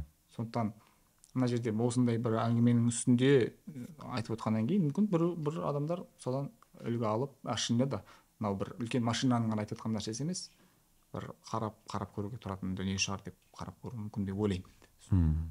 Мм. өйткені біз енді көбінесе ы, қазір андай болып кетті ғой. Өзін өзі дамыту туралы кітаптар ы, психологиялық кітаптар бизнес туралы кітаптар. Қазір тіпті көркем әдебиеттің өзінде былай былай керек па керек емес па деп деген сияқты қарастыратын болдық та. Және ол өте көп қой. Мынаны оқысаң анауға м, о мысалға толстойды оқысаң шекспирға алады. То есть ол қазір былайша айтқан кезде война и мирді қазір бастап соңына шығу шыққан кезде соңына шығамын дегенше сіз көп нәрседен қалып қалуыңыз мүмкін деген адам да болады ғой. Иә. Оны бір мен өзім сондай нәрсе андай үлкен бір мұхит сияқты да оны ба- лучше оны бастап қою керек деген сияқты адамдар қалыптасып қалған да және мынандай бір нәрсе бар ғой. Адам адамға жалпы негізі үш ақ кітап жеткілікті дейді ғой. Иә. Үш ақ кітап жеткілікті дейді да. Бірақ сол үш кітап үш кітап табу үшін сіз мүмкін үш жүз кітап мүмкін үш мың кітап оқуыңыз керек деген иә иә. сөз бар. Сондықтан енді әркім өзіне керегін оқитын оқитын шығармыз. Әрине. Екінші сұрақ ыыы сіз мысалы соңғы бір жылда жасаған бір жақсы бір инвестиция туралы айтсаңыз мүмкін бір білмеймін бір девайс мүмкін бір кітап мүмкін бір ыыы саяхат сізге қатты әсерін берген және өте пайдалы болған. Бұл тек соңғы жылдары болу керек па ну айта соңғы бес жыл деп айтсақ шығар. Мен, мен бір нәрсе есіме түседі да жаңа айтып отырмын ғой ақшта ақшта оқыдық қой. Мхм. Ә, сол кезде бір мен бір сабаққа қызықтым. Ол студио директинг деген сабақта мхм. студияның ішінде ә, не түсіресің. Ә, актерлармен бір сабақтың ішінде түсіріп шығасың. Келесі сабақта басқа біреу режиссер болады сен соған көмектесесің сөйтіп. Әр сабақ сайын съемка жасайсың да. Және оны талдап түсін, түсіріп келген нәрсесін монтаждап әкеледі соны көрем, көреді да. Осы осыған мен қатты қызықтым бірақ бұл біздің сабақтардың ішінде болмады да. Болашақтың төлейтін сабақтардың ішінде болған жоқ. Мен ана мұғалімге де қызықтым да. Сөйтіп ыыы ақыры сон ол сегіз жүз доллар тұрады. Сол сабақты өз қалтамнан төлеп алдым да енді былай студент болсақ та не болсақ та. Мысалға сол сабақ сияқты маған пайдалы нәрсе өзі кемде кем сол сол ұстаз сол бір екі ақ сабақ берген ұстазымды былайша айтқанда кинодағы ұстазым деп санаймын да. Және оның оның үйретіп кеткен нәрсесі әлі күнге дейін былай алдымнан шыға береді шыға береді шыға береді. Сондықтан мен сол сол сегіз жүз долларды бір өте қатты өте пайдалы сегіз жүз доллар дейсіз. иә білімнен артық зат жоқ шығар иә білімнен артық инвестиция жоқ қой. Ыыы енді үшінші сұрақ өзіңізге бұл жеңіл болар ғой өйткені сіз визуалды көп ести аласыз сіздің баннеріңіз бар. Баннерға кез келген зат қоя аласыз. Қаланың қақ ортасында барлық машине адам көретін сондай бір үлкен бір баннер сіз не қояр едіңіз? Мм ә, мысалға бұл сіздің жарнамаңыздың орны. Бағасы келсін деп жазып қойса әзіл көбіне сөйтіп тұрады ғой бос жерлерде. М, енді ә, мүмкін ә, зиянды болма зиялы бол деген сияқты. Зиянды болма зиялы бол зиялы бол. Зи- зиялы деген сөзді қазір жиі айтып жүрмін. Біздің әрбір адам зиялы болуға тырысу керек деп. Зиялы адам деген кім? Қалай Осы- түсін- осы- қызық бізде зиялы дегенде жаңағы интеллигенция деп қалыптасқан ғой. Иә. Ақын жазушы ғалым деген сияқты. Қазақ зиялылар дедіңіз бағана алашорда бағана Иә, иә, иә, мұхтар әуезов сол кісілерге мысалы. сол, сол себептерден бізде сондай ондай болу қайда? деп айтпағылым сөйтсеңіз деген ондай болу қайда? Сакрализация сияқты да зиялы деген зиялы деп айта алмайсың ешкімді да. Мысалы қазір айтсаң да ол оған қосымша бір жүктеп бересің да ол сосын сенің неңде өлеңнен шықпай қалса ой деп қолың сілтейсің деген сияқты ше. Ал негізі түпкі этимологиясы зия деген сөз сәуле деген сөз екен да нұр деген сөз екен да нұр сондықтан зиялы деген өзінен бір нұр шығаратын адам.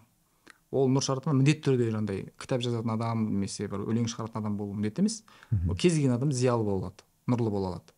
Мұғалім бола ма ол кәсіпкер бола ма жоқ ол жаңағыдай бір құжат дайындайтын жерде отыра ма сонда отыра ма дегендей да. Яғни ол өзіне мынау мен менің шекарам менің міндетім осымен бітті деп міндетсінетін адам емес. Ол содан өзінің мүмкіндігінен өзінің жаңағы жауапкершілігінен тыс та сәл бірдеңелер жасайтын адам. Иә. Бір екі адамға сәулесін түсіруге тырысатын адам. Сол адам зиялы болады. Әрбір қазақтың баласы зиялы болу керек деген дегеннің мен, менің ойымда екі, екі критерий бар. Біріншіден ол өзін дамыту керек.